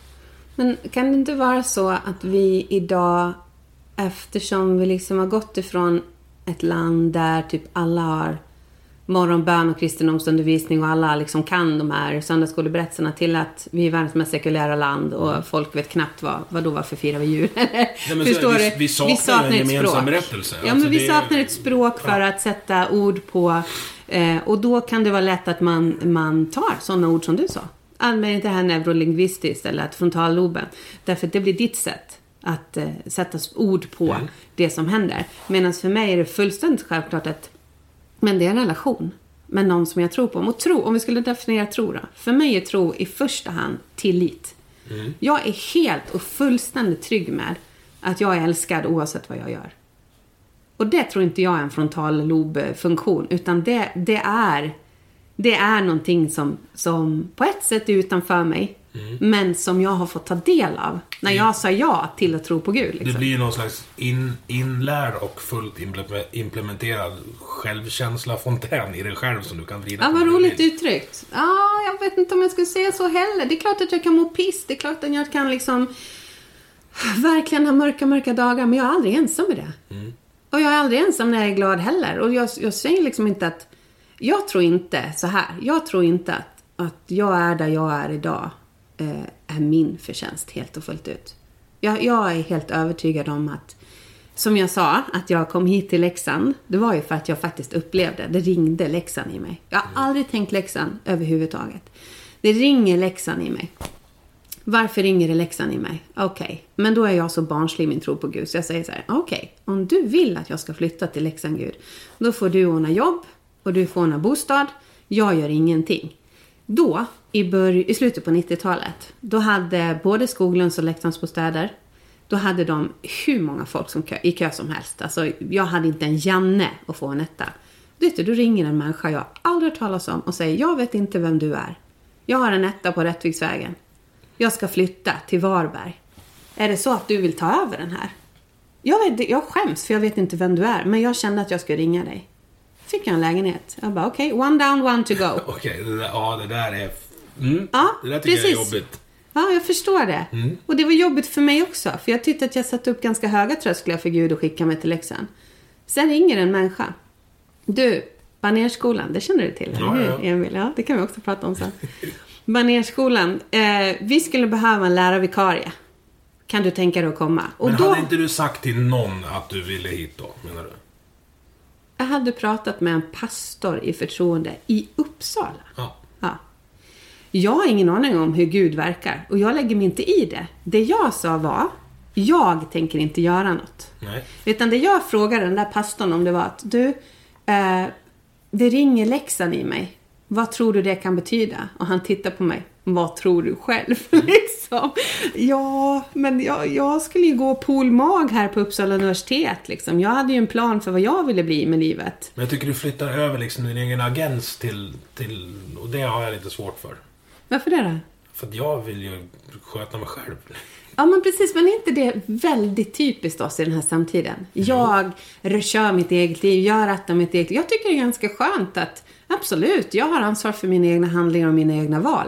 Men jag är inte själv i det. Jag har någon som är med mig, som går Jag, med mig. jag skulle tycka det var jätteskönt om, Ja. jag, om jag kunde vara där du är. Men jag... jag Det kan du, Emil. Nej, det, jag, jag är alldeles för... Det finns för- inga hopplösa fall. Jag måste bara säga, du hade ju den här eh, polisen. Vad hette han? Eh, på Twitter. Viktor Adolfsson. Ja, men precis. Men vad heter han på Twitter? eh, YB Södermalm. Ja, exakt. Han twittrade för inte så länge sedan att de fick ett larm, ett överfallslarm, på ett sån här frälsningshärberge. Eh, alltså Frälsningsarmén. Så drar de dit och de tror att någonting har hänt, det är överfallslarm. Så kommer de dit och så känner de igen, där står en sån här stammis. Liksom. Välkänd, de vet precis vem man är. Super långt ner, längst ner på botten. Men han är inte där för att han har problem. Han är där och hjälper till, jobbar där. Och den människan, alltså de, de är, men, är det någonstans en människa kan få en andra chans, det är när man möter Gud. Det är när man, då kan man få sitt liv upprättat. Jag tyckte, jag minns inte exakt hur han formulerade det, men det finns ju på Twitter. Och jag blev så rörd av det, för det är precis det kristen tro handlar om för mig. Att Nej men det, oavsett vem du är, alltså du kan ju vara högst upp, du kan vara så framgångsrik, du kan ha det så bra i livet, men du vet inte vad som händer imorgon. Du trillar ner från piedestalen och livet kraschar totalt. Frun lämnar dig, du får cancer, konkurs, allting. Men det spelar ingen roll om du är där uppe eller om du är längst ner. Så Gud är ändå med och kan hjälpa dig att upprätta ditt liv totalt. Men när vi är där uppe, då glömmer vi ofta bort att, Mm. att jag, menar, ja, men jag klarar mig själv. Och jag, jag har ju ingenting emot uh, andlighet om man, ska säga Nej, så. Jag tycker bara det är typiskt svenskt också. Den blir så, den blir så inlåst i- Måste det i vara religion. Jesus liksom? Ja. Organiserad religion, det vet du, Emil, du är helt i samtidsandan när du säger så. Därför att svensken... Nej, men svensk, bra, eller något. Ja, eller hur? Du, som, du borde vara lite kritisk mot din egen inställning. Ja, Nej, men det samtidsandan är så här, det här är ju väldigt intressant, det här forskar man ju på. Det är att svensken är ju väldigt öppen för andlighet. Men organiserad religion, eller liksom Jesus, det har man väldigt svårt för. Därför, för det förknippar man med någonting som kommer med krav på hur du ska vara och hur du ska leva. Men jag menar, så behöver det ju inte vara. Alltså jag tror ju, som jag sa, att när jag i min relation till Gud ber, då händer det något med mig. Jag förändras. Mm. Ja. Förhoppningsvis Det- till det bättre. Ja. Eh, så att det blir ju liksom en resa. Min kristna tro är ju Alltså det gör ju någonting med mig. Det är ju inte bara det att eh, jag går i kyrkan på söndag och så händer inget mer. Eller att jag skulle tro att jag är för mer eller bättre än dig eller någon annan. Det handlar det ju inte om. Utan snarare att jag har insett mitt behov av att faktiskt ha någon i mitt liv som Ja. finns där jämt. Och jag, jag tror ju att alltså det finns en anledning till att, att de här, om vi- om vi kallar Bibeln för berättelser. Mm. Så det finns en anledning att de berättelserna har överlevt sekel efter sekel efter sekel. Mm. Och det är ju för att det funkar. Alltså det är, det, är inte, det är inte svårare än så. Nej. Och det behöver ju inte... Det kan ju vara... Eh, alltså så här, det är lättare att sälja in det till folk om man säger att det kommer från en högre makt. Än Så att, är det. Än att så här, det är bara så här, det, I alla fall så länge man tror på det här auktoritet, alltså auktoritet och så vidare så är det ju inte riktigt idag. Liksom när det kommer ovanifrån, från prästen eller från staten, Fast människor tror på hierarkier även fast de inte vet om Ja, det. så kan det säkert vara. Men Alltså, vi, är väl, väldigt... vi är väldigt kritiska mot hierarkier i Sverige. Men Ja. om, om du får en vattenläcka här så vill du ju att den bästa rörmokaren kommer. Eller? Ja, ja, jo, men Inte, ja, men inte, inte alla- nödvändigtvis staten. alla människors lika värde då? Är inte Mm. alla rörmokare värda lika mycket? Nej, det är de inte. Utan det är den som gör att, att rören inte läcker. Mm. Alltså saker och ting överlever för att de funkar. Men vet du, du nämnde ju Jordan B. Peterson här Ja. förut. Och han har ju talat väldigt mycket om behovet av myter och liksom Bibelns berättelse, vad det gör med oss. Vikten av att faktiskt ha ett sammanhang. Mm. Och att de här levnadsreglerna som finns i Bibeln betyder mycket för oss. Och jag har varit väldigt fascinerad över det. För han har liksom nöjt sig med det. Han har inte velat prata om liksom, men frälsning eller Jesus eller så. Tills jag såg ett klipp med honom. Han har ju varit, snackat om att ha varit på botten ett tag. Ja, ja. Snackade. Men han, han sitter och gråter på det här Apropå- klippet. Apropå drömgäst i podden. Liksom. Ja, just det. Just det. Ja, Ja, det nej, får men ta han- sen. Ja. Han har haft Frida, sen du ta Jordan B. Ja, vi jobbar oss neråt. Nej, men han, han, han... Det är lite så här, om jag minns rätt. Jag ville inte tro på det här. Jag ville inte det. Jag var nöjd med det här liksom. Och det här är jobbigt för mig. Att det här har gripit så tag i mig. Eh, och det blir jag fascinerad av.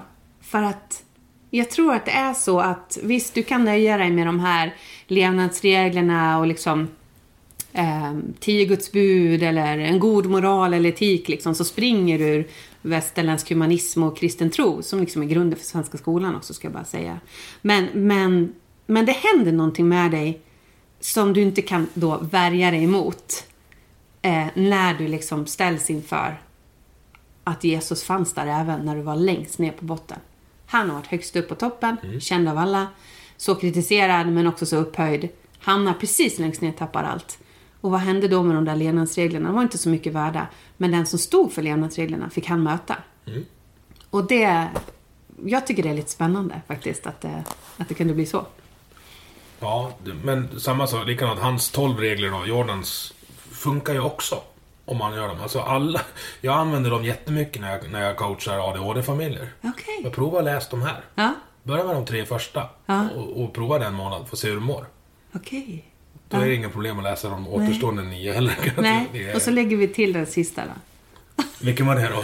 den här, och så ser du till att du blir Ja. kristen och går i kyrkan. Nej, skojar Jo, men alltså, och jag har liksom ingenting emot det, för jag, det, det där för mig är... Eh, ja, men som du pratar om, tillhörighet, Ja, gemenskap. gemenskap, små grupper. Ja. Det är ju vad hockeyn är för mig. Ja, jag har det förstått är ju det. precis samma Ja. sak. För den finns ju där Oavsett om, om frun har lämnat eller hur sjuk du är. Ja.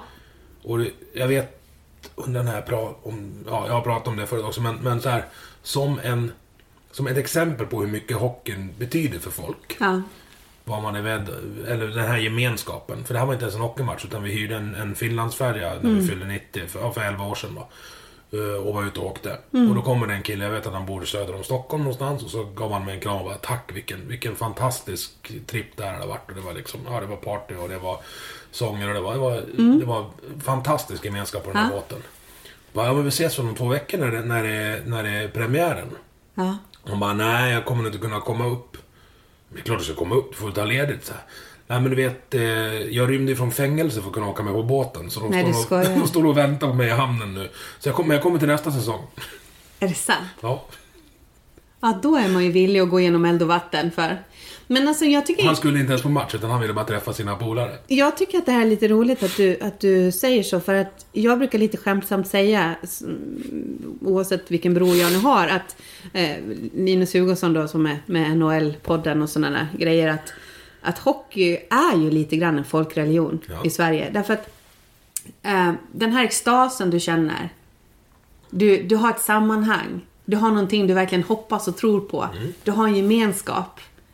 Eh, det, det, är, det, alltså det har ju ersatt lite grann det som, som kyrkan var Ja. i Sverige förr. Och det har dessutom ersatt eh, lite krig. Alltså fotboll och hockey är ju en, Ja, ja precis. Det finns en civiliserad kamp, form av, av, av kamp. kamp och krig. För vissa, Absolut. vissa av oss har det ju i oss. Ja. Mm. Att vi, vi behöver liksom mäta, mäta krafterna. Och då gäller det att, att man ska bejaka den delen av sig själv, men du ska göra det på ett icke-destruktivt sätt. Mm. Ja. Det vill säga, du ska, du ska slåss i en boxningsring, inte i en krogkö. Mm. Eh, Med regler, med ramar, Ja. med etik och moral, men likväl.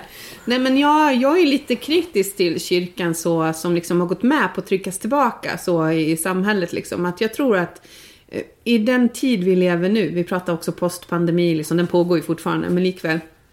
Aldrig har väl människor tänkt så mycket på existentiella frågor som Nej. den här tiden som har varit nu. Vad är meningen med livet? Vad händer om jag dör? Eh, var kommer allt ifrån? Vart är jag på väg? Allt det här. Eh, där har ju liksom kyrkan sett ett uppsving och liksom fått, fått vara en del i människors liv som aldrig förr. Fast på distans då, eftersom man inte har kunnat ses liksom. Och det, jag, jag har lite svårt för att eh, kristna och kyrka är lite så här, vi är lite försagda. Det är lite fult att vara kristen. Det är lite pinigt liksom. Det, nej, men kära någon, stå för vad du tror på liksom. Att du har någonting att bidra med liksom. Om du så bara gemenskap och kaffe och bullar ute på stan till fulla tonåringar. Nog så viktigt. Så det här med, med att liksom också finna en mening med livet i tron på Jesus. Det är ju, kan man kan någon få uppleva det? Och som den här mm, personen på Frälsningshärbärget till exempel. Potential att förvandla liv liksom. Så, Och jag tror att det är mer eh, den inkluderande gemenskapen och sammanhanget än eh, någon kille i klänning på ett kors för 2000 år sedan. Alltså, så, nu ska jag snyta mig, sen ska vi prata om döden. ja okej. Döden. Mm. Ja, jag, Döden, döden. jag vet inte vad det är jag sliter ut. Ja, det står på diskbänken. Gör det inte det? Nej. Ja, men vänta då.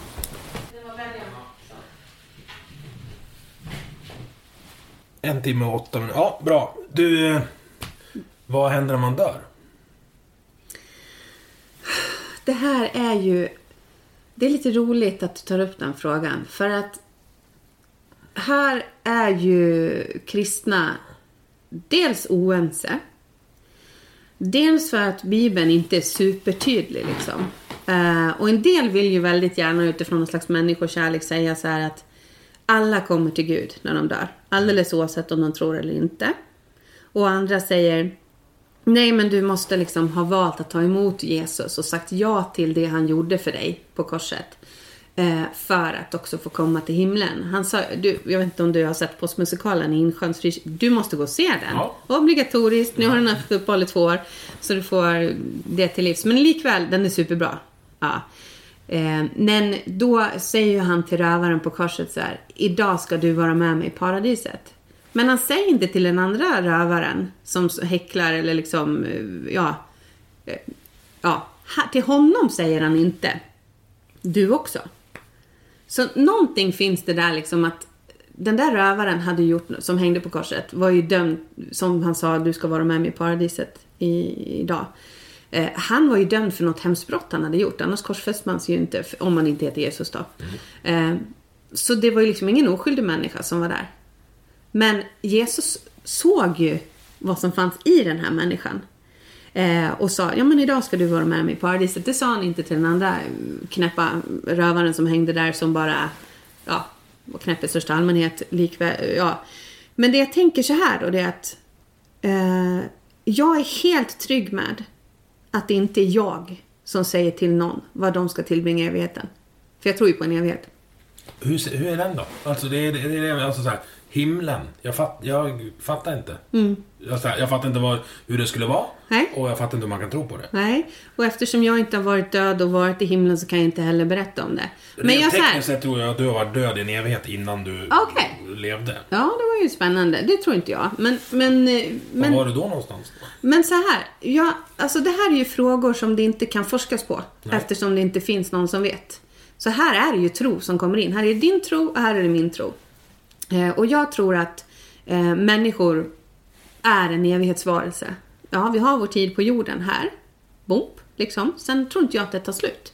Jag tror inte att du bara förmultnar i en grav och så var det inget mer. Utan jag tror, eftersom jag tror att Gud är kärleksfull och barmhärtig, att det finns en dag när jag får, får träffa honom. Och för allt det som jag trodde på här, ja men det, det är liksom mitt hopp. Det kommer jag få möta en dag. Var det är, hur det ser ut, det vet jag inte. Jag kan gissa och tro. Och jag vet ju bara det som står i Bibeln liksom. Men jag är helt förvissad om, för ofta när man hamnar i den här diskussionen Emil, då blir det så här, jaha, så du menar att om jag inte tror på Gud så kommer jag komma till helvetet? Och det är det jag menar, att, men vet du, det, tack och lov så är det inte jag som ska ha någonting att säga till om det överhuvudtaget. Och det vet ju Jesus.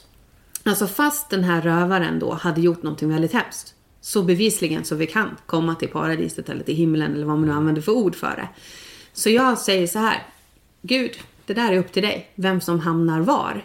Eh, och jag vet inte, men jag tror och jag är övertygad om att jag, den dag jag dör, kommer få se Jesus ansikte till ansikte. Och jag kan säga att jag har en hel del frågor att ställa. Men jag kommer bli väldigt glad att få träffa honom. Ja, för där, fin, alltså där finns det en del frågor. Om nu Gud skulle... skulle vi, vi ponerar att han finns. Mm. Eh, att han är allsmäktig. Och bara säga, ja, okej. Eh, I förra avsnittet så berättade Josefin Freje om hur man kokar barn levande i Kongo. Ja, fruktansvärt. Eh, i, så här, god och allsmäktig skulle inte tillåta det i min värld. Jag får inte ihop det. Nej, och det, för, och det du är inne på nu, det är ju det här, det har ju teologer tvistat om i alla århundraden och jag ska bara säga att jag är inte teolog. Så jag kan ju ha min take på det och hur jag har löst det liksom i min värld. Teodicé-problemet. Hur kan Gud vara god och allsmäktig när det finns så mycket ondska i världen, till exempel? Ehm, jag har ingen lösning på det, liksom väldigt många av teologerna. Men det jag kan tänka så här, som jag tänker då. Det är ju dels så tror jag på att Gud är god. Men jag tror inte att Gud är den enda som finns i världen. Jag tror att det finns ondska. Det vi kallar för djävulen eller satan som vi ofta använder i svordomar och annat. Var, var kommer den ondskan ifrån som vi ser vissa människor utöva? Det här, kokande barn i Kongo eller eh, gruppvåldtäkter eller IS i... Ja men vet du, jag tror det kommer rakt ifrån helvetet, rakt från djävulen. Eh, och det, för mig är det så här... Det där har ingenting med Gud att göra. Alls. Inte att han tillåter det, ingenting. Eh, utan det där är ren ondska. Och var kommer det ifrån då? Ja, men det kommer ju inte från Gud. Precis som att om du får cancer, eller jag får cancer, så kommer inte det från Gud för att han vill lära mig någonting. Men då, är, då, då faller ju allsmäktigheten. Nej, det gör ju inte... Nej, men han har all... Alltså, i, vad, säger, vad är det man säger nu då? Alltså, i här och nu, men ännu icke redan. Alltså det här blir ju jättedjupt. Du borde ju prata med Joel Halldorf eller någon teolog så du får bättre svar än jag. Men jag tänker... pratade med Joel Ludvigsson, det räckte kan jag säga. Ja, men vad han är kul. en klurig präst. Ja, ja, han är i Göteborg. Ja. Ja, ja, han är från Hälla va? Eller vad är han? Jaha! Förlåt, Joel Ludvigsson. Jag blandade ihop honom med Ludvig Lindelöf. Han är en klurpläst från Göteborg. Eh, som Ja, också har en podd. Ja. Allsmäktigheten faller där, tycker jag. Ja, eh, och det, alltså... Nej, det gör den inte därför att det handlar om att du också har ett fritt val. Människor har fri val. Vill de göra det som är gott eller vill de göra det som är ont? Gud tvingar inte dig Nej. att göra det du, liksom, någonting mot din vilja. Jag tror ju inte att, jag tror inte att ondska per se finns. Precis som att jag inte tror att mörker är ju ingenting annat än brist på ljus. Ja, men vad, vad tror du att kokande barn i Kongo är de inte ondska? Ondska är bara brist på godhet. Aha. Frånvaro av godhet, precis som... Men, men menar du då att fred är frånvaro av krig? Nej. Nej, tvärtom. Ja. Att krig är frånvaro av fred? Ja. Ja. Nej, jag menar ju att det Krig, finns så här, ondska. krig är frånvaro av civilisation. Ja. Nej, jag har sett för mycket ondska för att inte tro på den. Så, så känner nog jag. Men, men nu frågar jag så här, men faller inte det här med allsmäktigheten då? Ja, men alltså, Gud har all makt, men han använder, väljer att inte använda den. Han har till exempel inte tvingat dig att sluta svära, eller jag bara hittar på bara för att jag hörde att du svor i podden Ja. med Anna. Eller tvingat dig till att gå till kyrkan varje söndag. Alltså, det funkar inte så. Alltså, jag tror ju på att Gud är kärleksfull och han vill ha en relation med alla människor. Men hur ömsesidig är den om han tvingar alla att tro? Tvingar alla att göra gott? För ett grundfundament som man många gånger glömmer bort, det är ju människans fria vilja. Och det börjar ju redan om den här, om det nu är myt eller sanning, men berättelsen om Adam och Eva. De valde att lyssna på ormen. De valde att göra det som Gud hade sagt. Gör inte det här därför att det här, för det är dumt liksom. Nej, men vi valde att gå vår egen väg, vi valde bort. Och det är en sån viktig grundfundament att du är, han hade ju kunnat säga så här. Jag tar inte in någon orm. Jag tar inte in någon ondska eller sjukdom eller död eller, eller att de, de ska inte kunna välja. Utan de, vi ska bara vara i någon trevlig symbios och ingen ska kunna välja någonsin. Då blir allting frid och fröjd. Nej, men du har fortfarande ett val. Och det valet är ju helt och fullt avgörande. Om, vad du väljer, om du väljer Gud eller om du väljer någonting annat, det, det valet måste du få ha. Mm. Så på så sätt är ju hans allsmäktighet begränsad. Han väljer att inte använda den.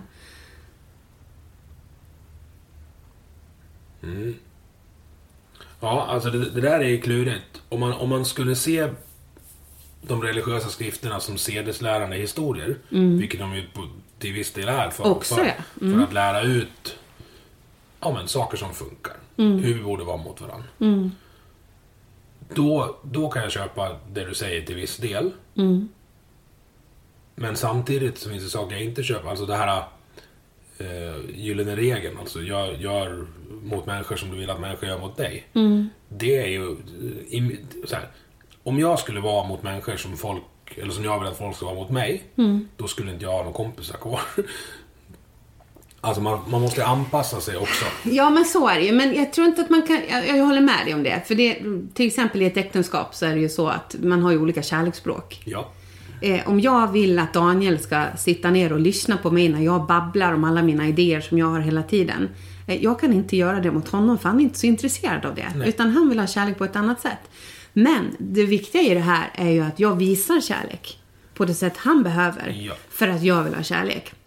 Men det finns ju inbyggt i gyllene regeln för mig. Det är alldeles självklart. Om jag till, som lärare till exempel säger att ja, men här har vi Pelle, han har ADHD, här har vi Lisa, hon har autism. Jag kan inte behandla dem lika. Nej, och de kan inte behandla varandra lika. Nej. Men det betyder ju inte att jag inte behandlar dem på ett sätt som jag själv hade velat bli bemött. Men kanske inte exakt på det sättet jag hade velat bli bemött. Men med samma grundinställning. Med kärlek, med respekt, Ja. med... Ja. Du, du drar den liksom ett varv till att säga, ja men möt folk där de vill bli mötta. Är det det du menar? Ja, så att de möter dig på det sätt du vill bli bemött. Precis. För vi är ju olika. Jag tror inte att det finns någon slags generalisering inbyggd där att alla måste göra lika mot alla och då blir allting frid och fröjd. Utan nej, nej. Vi är ju olika. Liksom. Det är bara att titta hur världen ser ut. Mångfald är ju något liksom sånt grundfundament i vem Gud är. Hur han tänkte med skapelsen. Alla miljarder arter och bara ögonfärg och ja, hur vi ser ut i alla fall druttan. Liksom. Så att det här att tro att man, det finns ett koncept som funkar för alla människor, så är det ju inte. Kommer du ihåg första gången vi rök ihop på Twitter? Vad vi bråkade om då? Jag minns några gånger, jag minns mobilförbud. Precis. Jag minns... Eh, Det var det jag letade efter faktiskt. Aha, okej. Men det minns jag. Och sen har vi, ja, vi har nog ryckt ihop några fler saker. Men det... Ja, just det. Royalism. Ja. Ja. Jaha, Det- det, hade jag nog glömt. Nej, men det rök vi ihop kring också. så- Eller rök ihop var väl överdrivet. Vi hade olika syn på det helt enkelt. Du tyckte det var så dyrt och jag menar att det skulle vara dyrare med en president. Lite så. Ja, ja. Ja, men okej. Mobilförbud. Mobilförbud ja. Vill du prata om det? Ja, jag vill prata om mobilförbud i skolan. Jaha, kul. Varför vill, du, varför, varför vill du förbjuda mobiler i skolan, Frida? Jag ska bara säga, jag har fått ju igenom min vilja här. Skandal. Ja, Samhällsdalsskolan. Vi visste ju inte det. Mina barn går på, eller ett av mina barn går på Samhällsdalsskolan. Eh, och då, eh, första föräldramötet så sa jag, ja nu är det mobilförbud. Man lämnar in mobilen på morgonen och sen så är den där under hela dagen. Varför jag vill ha mobilförbud i skolan? För jag har sett baksidorna som lärare. Jag har sett barn bli mobbade på rasterna med mobilerna. Hur de tar bilder, kränkande bilder, skickar runt i Snapchat-grupper eller Instagram. Eh, och mobbingen som blir viral, viral menar jag. Det är den mest fruktansvärda sort av mobbing som finns. Så det är en. Sen är det också den här delen att du blir så störd hela tiden. Någon räknade ju antal notiser eh, som elever får under en lektion. Det, om du ska vara tillgänglig för alla de notiserna, du, du blir ju pingponghjärna liksom. Eh, och man vet ju att om koncentrationen ska fungera så då behöver du ju, du, du ska ju inte bli störd hela tiden av saker och ting. Så inlärningsmässigt, absolut, ta bort lektionerna, eller mobilen under lektionerna. Ta bort lektionerna. Ta bort lektionerna från mobilerna, eller tvärtom så.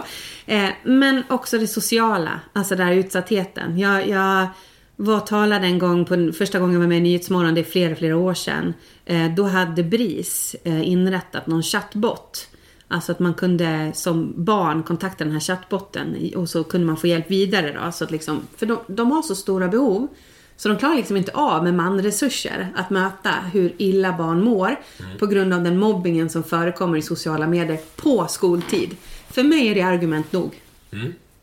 Och mi- mitt argument då och nu är ju att ska vi förbereda eleverna för en, en verklighet där mobiltelefoner ingår, för det gör det ju när de, när de är klara i skolan, så kan vi inte exkludera mobilen från, från inlärningsprocessen. Men alltså, nej, men jag, jag, jag kan förstå hur du menar. Men jag tänker också så här, visst ansvar är faktiskt föräldrarnas och hemmets och visst ansvar i skolan. ansvar. Ja, och då menar jag så här att jag är inte teknikfientlig. Jag tycker att det finns absolut på sin plats att man använder eh, iPads eller datorer. Men jag tycker att det har gått alldeles för långt med det. Eh, men det absolut. Eh, och att lära barn att ha ett sunt förhållningssätt. Men då tar man också bort den här beroendefaktorn som finns. Med barns hjärnor som är så formbara i just i de här åldrarna vi pratar om, alltså låg, mellan och upp till högstadiet också. Så att jag tycker att det är för stort ansvar för skolan att, lägga på en lärare som dessutom ska hjälpa dem att nå kunskapskraven, se till att de inte blir mobbade. De, har, de är ju lagstadgad skyldighet att se till att barn inte mobbas. Hur ska de klara av det om mobiler finns för skolan? Nej, det tror jag inte på. Nej, här, då kan vi vara överens att vi kan ta bort de personliga mobilerna. Vi kan ta bort Snapchat-inloggningen. Eh, eller Snapchat-möjligheten och fotograferingsmöjligheten.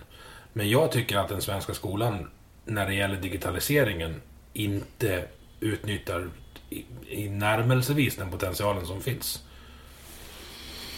Alltså, kan, Okej. du, kan du förklara för mig varför en lärare år 2021 ska sitta och rätta prov för hand?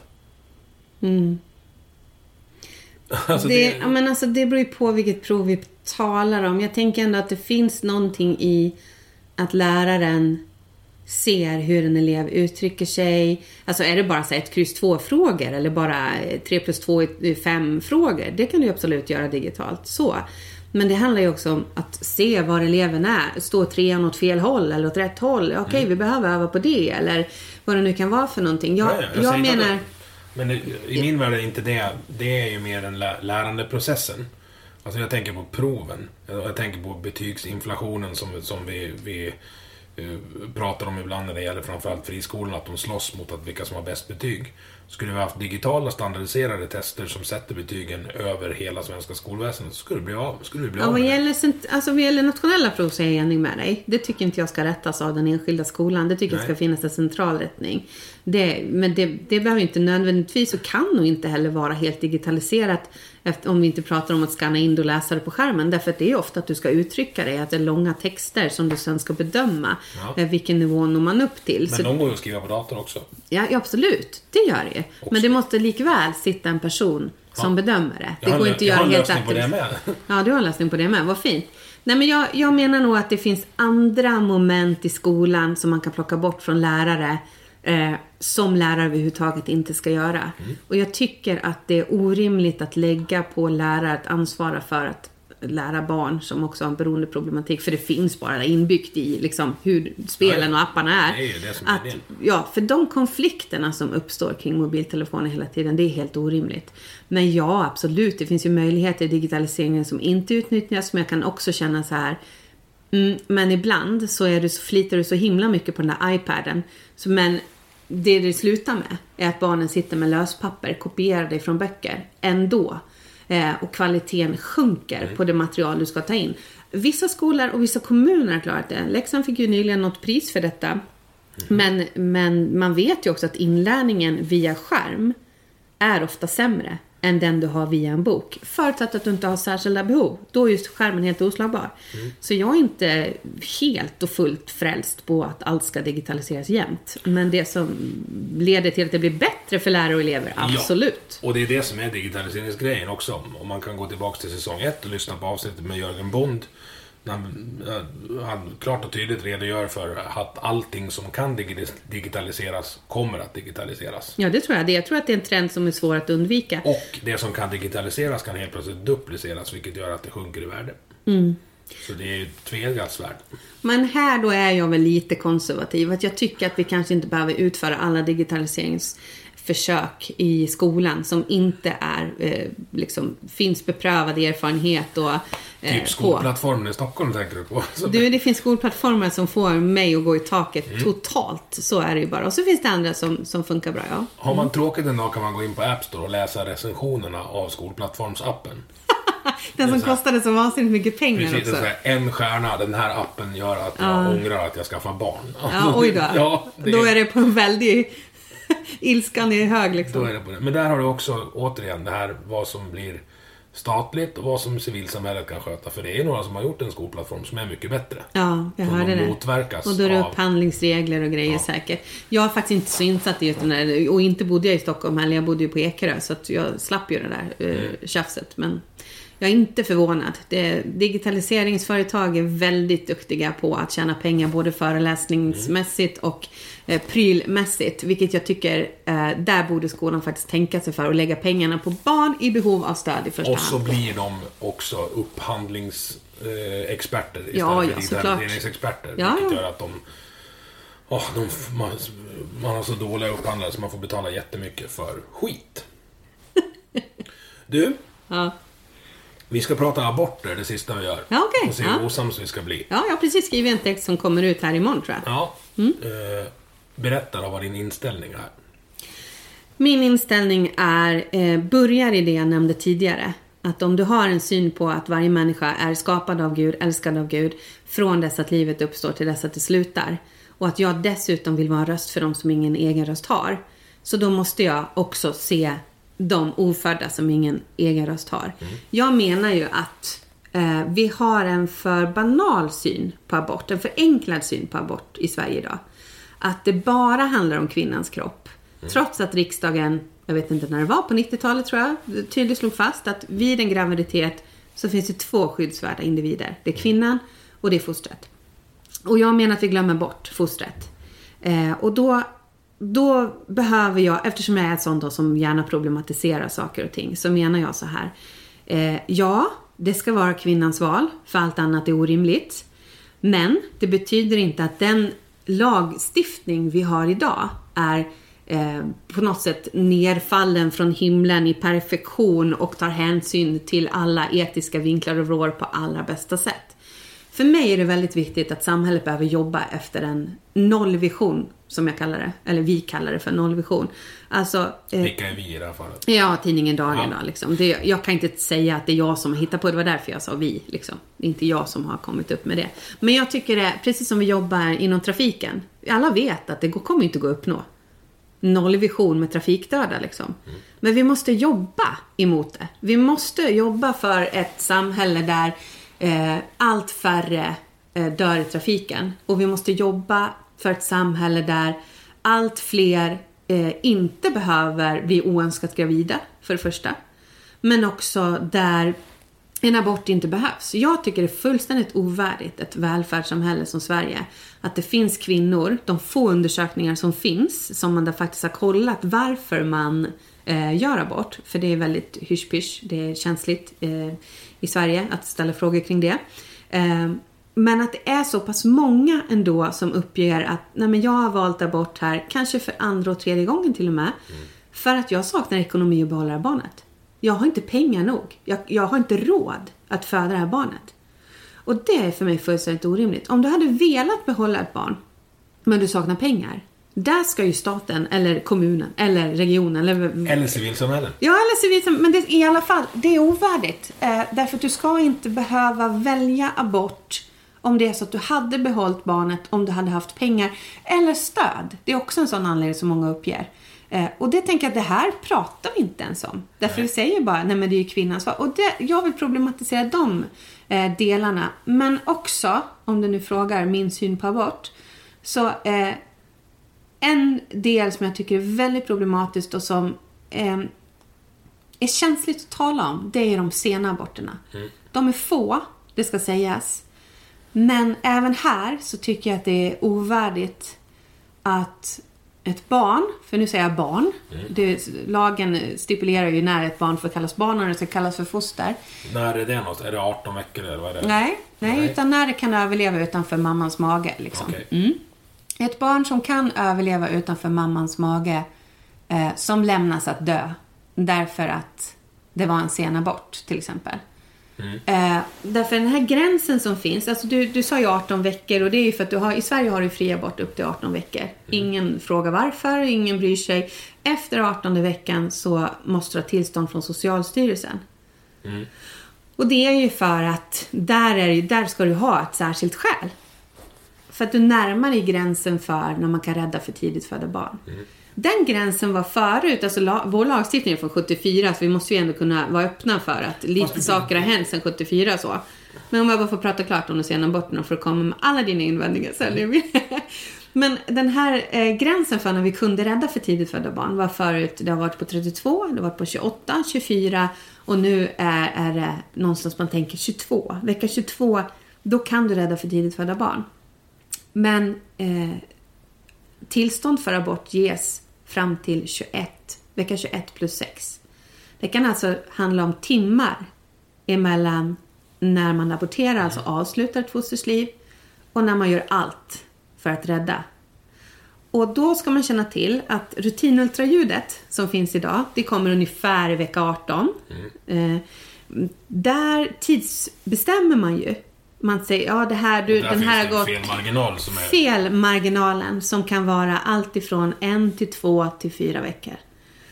Och det är liksom, för mig är det i alla fall ett minimum att det måste finnas en sån buffertzon mellan när du räddar för tidigt födda barn och när du lämnar dem att dö eh, i, någon, i något rum någonstans liksom. Eh, flämtande efter. Och det här, det här det här gör ont i mig, som varandes mamma som har fött tre barn, att, eh, att vi har så svårt att tala om det här. Och det är inte så konstigt för att det är så oerhört många kvinnor som har gjort abort. Det är så Vi har oerhört svårt många att prata om saker som är jobbigt. som gör ont. Eh, men det säger också någonting. För att paradigmet i Sverige, lite så här feministiskt, liksom att det är helt oproblematiskt att göra abort. Det är så enkelt. Det är ungefär som att ta en Panodil. Det är inte svårare än så. Men faktum är, och nu återkommer jag då till den här undersökningen, som det finns ju alldeles för få. Eh, och jag, jag tycker att det behöver finnas fler. Att eh, många som gör abort får ändå, ja men det väcker existentiella frågor i mig kring liv och död. Och de lämnas du ensam med därför det är så fult att tala om. Och jag menar att vi måste våga tala om att abort är etiskt komplicerat oavsett vilken ståndpunkt du har. Om du menar att kvinnan fullt ut ska få välja hela vägen, det är ju en del som säger det. Jaha, menar Nya du... Zeeland har ju det nu. Ja, och vissa stater i USA så vill ju Demokraterna att du ska få utföra abort ända tills dess, till vecka 40. Mm. Det menar ju Sverige hittills, tack och lov, är fullständigt orimligt. Utan vi har ju satt den gränsen då. Eh, Och det det, det, jag har inte så mycket att säga emot det heller. För jag har, eh, eh, jag tyckte det lät som att du satt och laddade. Nu minsann ska jag Nej, nej, sänka nej, nej. Frida här. Eh, absolut inte.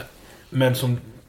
Jag landar i precis samma ställe som du. Att Okej. Vi måste prata om det. Ja. Och vi måste jobba för att det är så få aborter som möjligt. Ja, men För det är jättefult att säga, det Emil. är, Ja, men det är min podd. Jag säger vi- Ja, det är bra. Nej, men så här, det är inte oproblematiskt. Nej, För kvinnan heller. nej det är det inte. Men det låter ju som att det skulle vara någon slags drive-in eh, Ja. Mm. grej.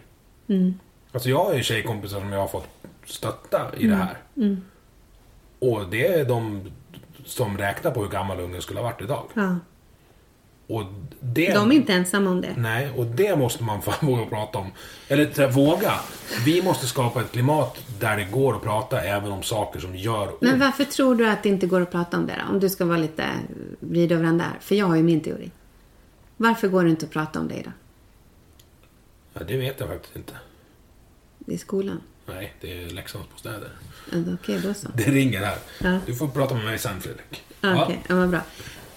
Nej, men jag, jag har ju min teori. Och det är ju för att det var en sån viktig, eller alltså så här. Hela kvinnorörelsen menade att abortlagstiftningen så som den är utformad, det allt, allt annat än exakt som den står idag, är ett svek mot alla kvinnor. Den, det måste, det är liksom, om, om vi bara backar och gör, inför en sån här buffertzon som jag talar om, Ja men då, då är vi, då är det Polen, då är det Texas, då är det kvinnors rättigheter, mörka människor, det är alltihopa. Det är en väldigt icke-ödmjuk inställning som, som gör att man tror att man har helt rätt och inte, alltså har, har så pass rätt att man inte vill prata om det. Mm. Men också att om, om du problematiserar, ta till exempel samvetsfrihetsdebatten. Den skulle vi också kunna gå in på och prata länge och väl Där om, kan men det-. Ja, men, men så här då. Alltså att, är det så konstigt att det finns människor som tycker att det kan vara etiskt svårt eller problematiskt att vara med vid till exempel sena aborter? Är det så konstigt när vi vet att det finns kvinnor, inte alla, men det finns kvinnor som mår dåligt kring abort? Jo, men då är det ju så här att om vi erkänner att samvetet kan ha problem med det. Då upplever ju kvinnor att okej, men då, då lägger du en moralisk skuld på mig som har gjort abort. Och det menar jag att det behöver inte alls vara. Utan man kan fortfarande mena att det ska vara kvinnans fria val men ändå erkänna att det här är en etiskt komplex fråga. Och kan vi komma dit i Sverige att vi ändå säger att abort är en etiskt komplicerad fråga. Jag menar, de som är väldigt rabiata abortmotståndare som, eh, ja, med blodiga fosterbilder eller sådana här saker. De vill ju inte ens att vi ska erkänna att det är en etiskt komplicerad fråga. De menar att det är enkelt. Mm. Abort ska i princip förbjudas. Och jag menar det går inte. Det är etiskt komplicerat därför det finns två skyddsvärda individer. Och att det är så svårt att erkänna det, det är för att de menar, dels de som jobbar med det, att ja, men lägg ingen skuld på oss. Vi gör ju bara det som, som kvinnor behöver och som lagen säger är till, tillåtet. Men också den som har gjort abort. Om man då brottas med och tycker att det här är jobbigt och så kommer det någon kristen eller någon annan och säger ja, men jag, jag har svårt för abort därför att jag menar att det avslutar ett liv. Eh, ja, men då bekräftar det kanske den där känslan man har i sig, att det här är jobbigt. Och det vill man inte. Utan det man vill höra är, det här är okomplicerat, det här är en enkel lösning, du är helt rätt. Och jag menar att man kan ändå säga, ja men det är kvinnans val, fram till en viss rimlig gräns då, som vi kan diskutera. Men att det fortfarande är etiskt komplicerat. Och jag menar att kvinnor måste få mycket bättre stöd i Sverige. Om det är så att de vill behålla barn. Ingen ska tvingas välja abort för att de inte har ekonomi eller stöd nog. Det är ovärdigt. Och sen har du hela eh, aspekten med om, alltså, våldtäkts... Absolut. Så, Alltså, jag tror inte vi kommer komma bort från det. Vi kommer inte komma bort från trafikdödligheten heller. Nej, nej, Men abort man- måste få finnas på det Ja. sättet. Men, men vi måste kunna jobba emot ett samhälle där abort i princip blir onödigt, förutom i de här fallen där det är riktigt svårt. Mm. Och det handlar ju också om att både killar och tjejer måste ta ansvar för sin sexualitet, för reproduktiviteten. Varför killar så himla svårt att använda kondom? Varför ska det alltid ligga ansvaret på kvinnan? Mm. Eh, med hormoner, eh, som kan ge biverkningar. Nej men så det här kan vi ju, vi kan ju liksom prata hela vägen här. Alltså börja prata om att killar tar ansvar liksom. Jag tycker det här tangerar det vi pratade om förut med ansvarsförskjutningen från individ till stat också. Att Ja, just det. där- Nu har jag blivit gravid, det må- det måste staten hjälpa mig att lösa. Ja, det, det, det finns ju en fara i att det faktiskt blir en preventivmedelsmetod istället för att det ska vara en, en i sista hand-lösning när det inte fanns någon annan väg att gå. Liksom. Och det, det är ju det här som, när jag säger det här, det är ju då jag får kvinnorörelsen på mig. Jag är mörkermänniska, jag är emot kvinnors rättigheter. Det är jag inte alls. Det, du kan tycka det. Men jag menar att det är ett svek emot kvinnorna att inte erkänna att det här faktiskt är ett etiskt dilemma. Du, vi har pratat så länge nu så nu, nu eh, ja, om folk orkar lyssna ända hit så säger vi tack. Men det där skulle jag prata jätte... Jag skulle vilja prata med... Alltså tänk att få sätta sig med, med Hillman eller Schyman och sånt. Och prata med dem och säga, ja men, men jag är inte feminist för jag tror på jämställdhet. Och så se hur de reagerar på det. Ja, det vet jag hur de reagerar. För De går det, för det är verkligen så det är. Ja. Alltså det, och det är samma sak, vi pratar om ADHD-ungarna, vi pratar om barn i skolan. Ja. Och så säger, säger folk att ah, men det är ingen skillnad på killar och tjejer. Bara, Men har du träffat killar och tjejer? det, det är liksom... Ja, det har vi inte pratat om. Oj, det finns så mycket vi kan prata om, Emil. Ja, det här var väldigt intressant. Ja. Tack för att jag fick komma och hälsa på här i Insjön. Det är ändå utsikt mot Rönnes, så jag trivs ganska bra. Ja, vad fint. Kul att du kom, Emil. Finally. Det har vi väntat länge på. Ja, tack så mycket Frida. Tack. Du har lyssnat på Vi måste prata som produceras av mig, Emil Nilsson. Tycker du om det du hörde? Dela avsnittet med dina vänner och på sociala medier. Vill du stötta podden kan du göra det via Patreon där du hittar den på patreon.com snedstreck vi måste prata i ett ord. Eller så swishar du en slant till nummer 123 671 46 79. Vi hörs!